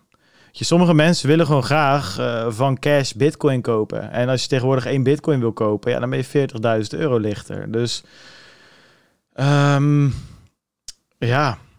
Jij zegt eigenlijk, Peter, dit kan ook gewoon... Uh nou ja, ik, ik, ik Iemand bedoel... zijn die, uh, die 40.000 euro had liggen ergens. En, uh... Nou, niet per se ergens, maar gewoon 40.000 euro had. En in plaats van daar op Coinbase uh, volledige KYC bitcoin van te kopen, KYC loze bitcoin wilde kopen. Ja, dat is niet uitzonderlijk, laat ik het zo zeggen. Ik bedoel, we hebben het natuurlijk ook vaak zat erover met bitcoin verdienen of met minen. Dat je dan KYC loze bitcoins hebt. En dit is ook een manier om dat te doen neem niet weg dat het natuurlijk ook uh, iemand kan zijn die zegt: Ik heb 40.000 euro uh, cash verdiend uh, met het verhuren of verkopen van Poolse hoeren of zo. Ja, nee, dat kan ook, tuurlijk. Weet je, ik sluit het niet uit, maar er is ook echt wel wat voor te zeggen. Zeker in die Bitcoin community, dat iemand gewoon met cash Bitcoin wil kopen in plaats Volgens mij wil je al best inderdaad toch wel je redelijk je best doen om 40.000 euro in cash. Moet je zeker je best Tenzij doen. je dat Hè? Moet echt je best doen, ja, zeker. Ja, ja. ja tenzij je natuurlijk echt in een sector werkt of zo. Maar ja, dan... Ja. Ook, ja, ook niet meer. Die sectoren zijn helemaal niet meer. Ja. Dus, um, maar goed, ja. dat was wat ik... Ja, ja, staat buiten kijf natuurlijk dat het al dat geweld en dreiging en dat soort zaken, dat is allemaal... Uh, ik bedoel, terecht dat dat, dat dat item is gemaakt waarschijnlijk. Ja, nee, zeker ook omdat hij natuurlijk... Uh, en dat is het lullige. Uh, deze mensen hadden zo hun best gedaan... dat ze blijkbaar eerst een keer een goede deal hadden gedaan samen. Ja. Dus ja, in hoeverre kun je dan nog iemand kwalijk nemen... dat hij de tweede keer nog een keer gaat? Hè? Het is echt wel... Um, ja, ja uh, heftig nasty. bericht. Hè? Nasty inderdaad. Ja. Nasty. Ja. Ja, dat was hem denk ik. Ik denk dat, we, dat, we de, dat het tijd is om, uh, om hem te callen, Bart. Ja, ik wil ook nog lekker een rondje lopen. En het is idee. echt fantastisch weer. Ik weet niet hoe het in Wijk bij Duurstede is, maar hier is het echt... Uh... Ja, ik hoopte dat ook nog te kunnen doen, maar we zijn zo langdradig geweest dat het voor mij niet meer in zit vandaag. Ach, Bertus, we zijn 25 minuutjes over tijd, ouwe reus. Je doet hier alsof we hier om uh, half twaalf s'avonds zitten ja, of zo. Dat had sowieso niet meer gekund. Ik wou net zeggen, het is uh, even snel de ja, schuld. Hij wil dan toch eventjes gewoon de schuld in de schoenen van de podcast schuiven. Hè? We zijn, hè? We, we, we. Oh, van okay. ons, hè? Ja, van ons. Ja, ja, ja. Ah, ja, ja, ja. Nou ja, goed. Uh, volgende week, uh, ja, volgende week uh, gaan de mannen er wat van maken. Ik ben, en die weken na ook. Ik ben echt benieuwd. Ik heb het volste vertrouwen in jullie. Dus... Um, Weet je, Peet, wat jij net zei, als jij wegvalt bij Bitcoin Alpha, uh, de technische kant, dan lossen we het op. Nou, ik heb het volste vertrouwen erin dat jullie dit ook op gaan lossen. Dus ik ben benieuwd. Uh...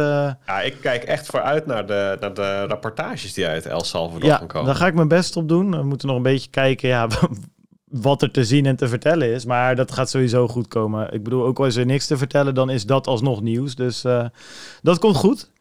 Um, dus uh, veel plezier de komende week, jongens. Ja, cool. Um, hey, jij, uh, ja, ik, ik hoop dat het allemaal vlot gaat, die reis. Ja, kom maar goed. Uh, ja, dat alles goed gaat en dat je gewoon een toffe tijd hebt daar. Doe de groetjes ook aan uh, de mensen die tegenkomt. Aan Bukele. Ook? Ja, dat zou, dat zou natuurlijk helemaal uh, nee, geniaal goed. zijn. Ik heb, uh, ik heb een uh, leuk boek. Maar die heb ik denk ik al uit tegen de tijd dat ik er Ja, ben. dat, dat reizen, dat... ja, het is echt een goed boek. Het gaat over een meisje die gevlucht is uit Noord-Korea of zo. Echt... Um, ik zal in de chat uh, droppen.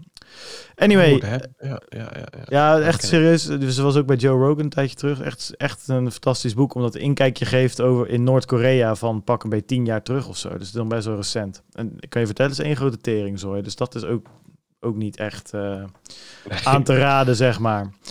um, ja, nee, thanks jongens. Uh, succes. We gaan er weer wat van maken. Volgende week uh, reportages. Ik denk misschien dat Bert weer eens het over de markt gaat zeggen. Want volgende week 65k. Laten we daar eventjes op inzetten. Volgende week Fabganzen. Dat, dat, dat moet lukken. Ik heb net met drie, kunnen we altijd. Ik heb net met driehoeken getekend. 65k, easy peasy, lemon squeezy. Oké okay, jongens, uh, vind je deze podcast leuk? Join ons Telegram groep. Volg ons op Twitter. Alle links staan op, uh, nou ja, niet op www.stoshiradio.nl. Want je moet natuurlijk ook nog even naar www.lekkercrypties en www.bitcoinalpha.nl gaan als je zin en tijd hebt. Bert, Peter, bedankt jongens. Uh, ik zie jullie over drie weken weer. En um, ja, Thanks. Later. Doei. Adios. Yo. Thank you.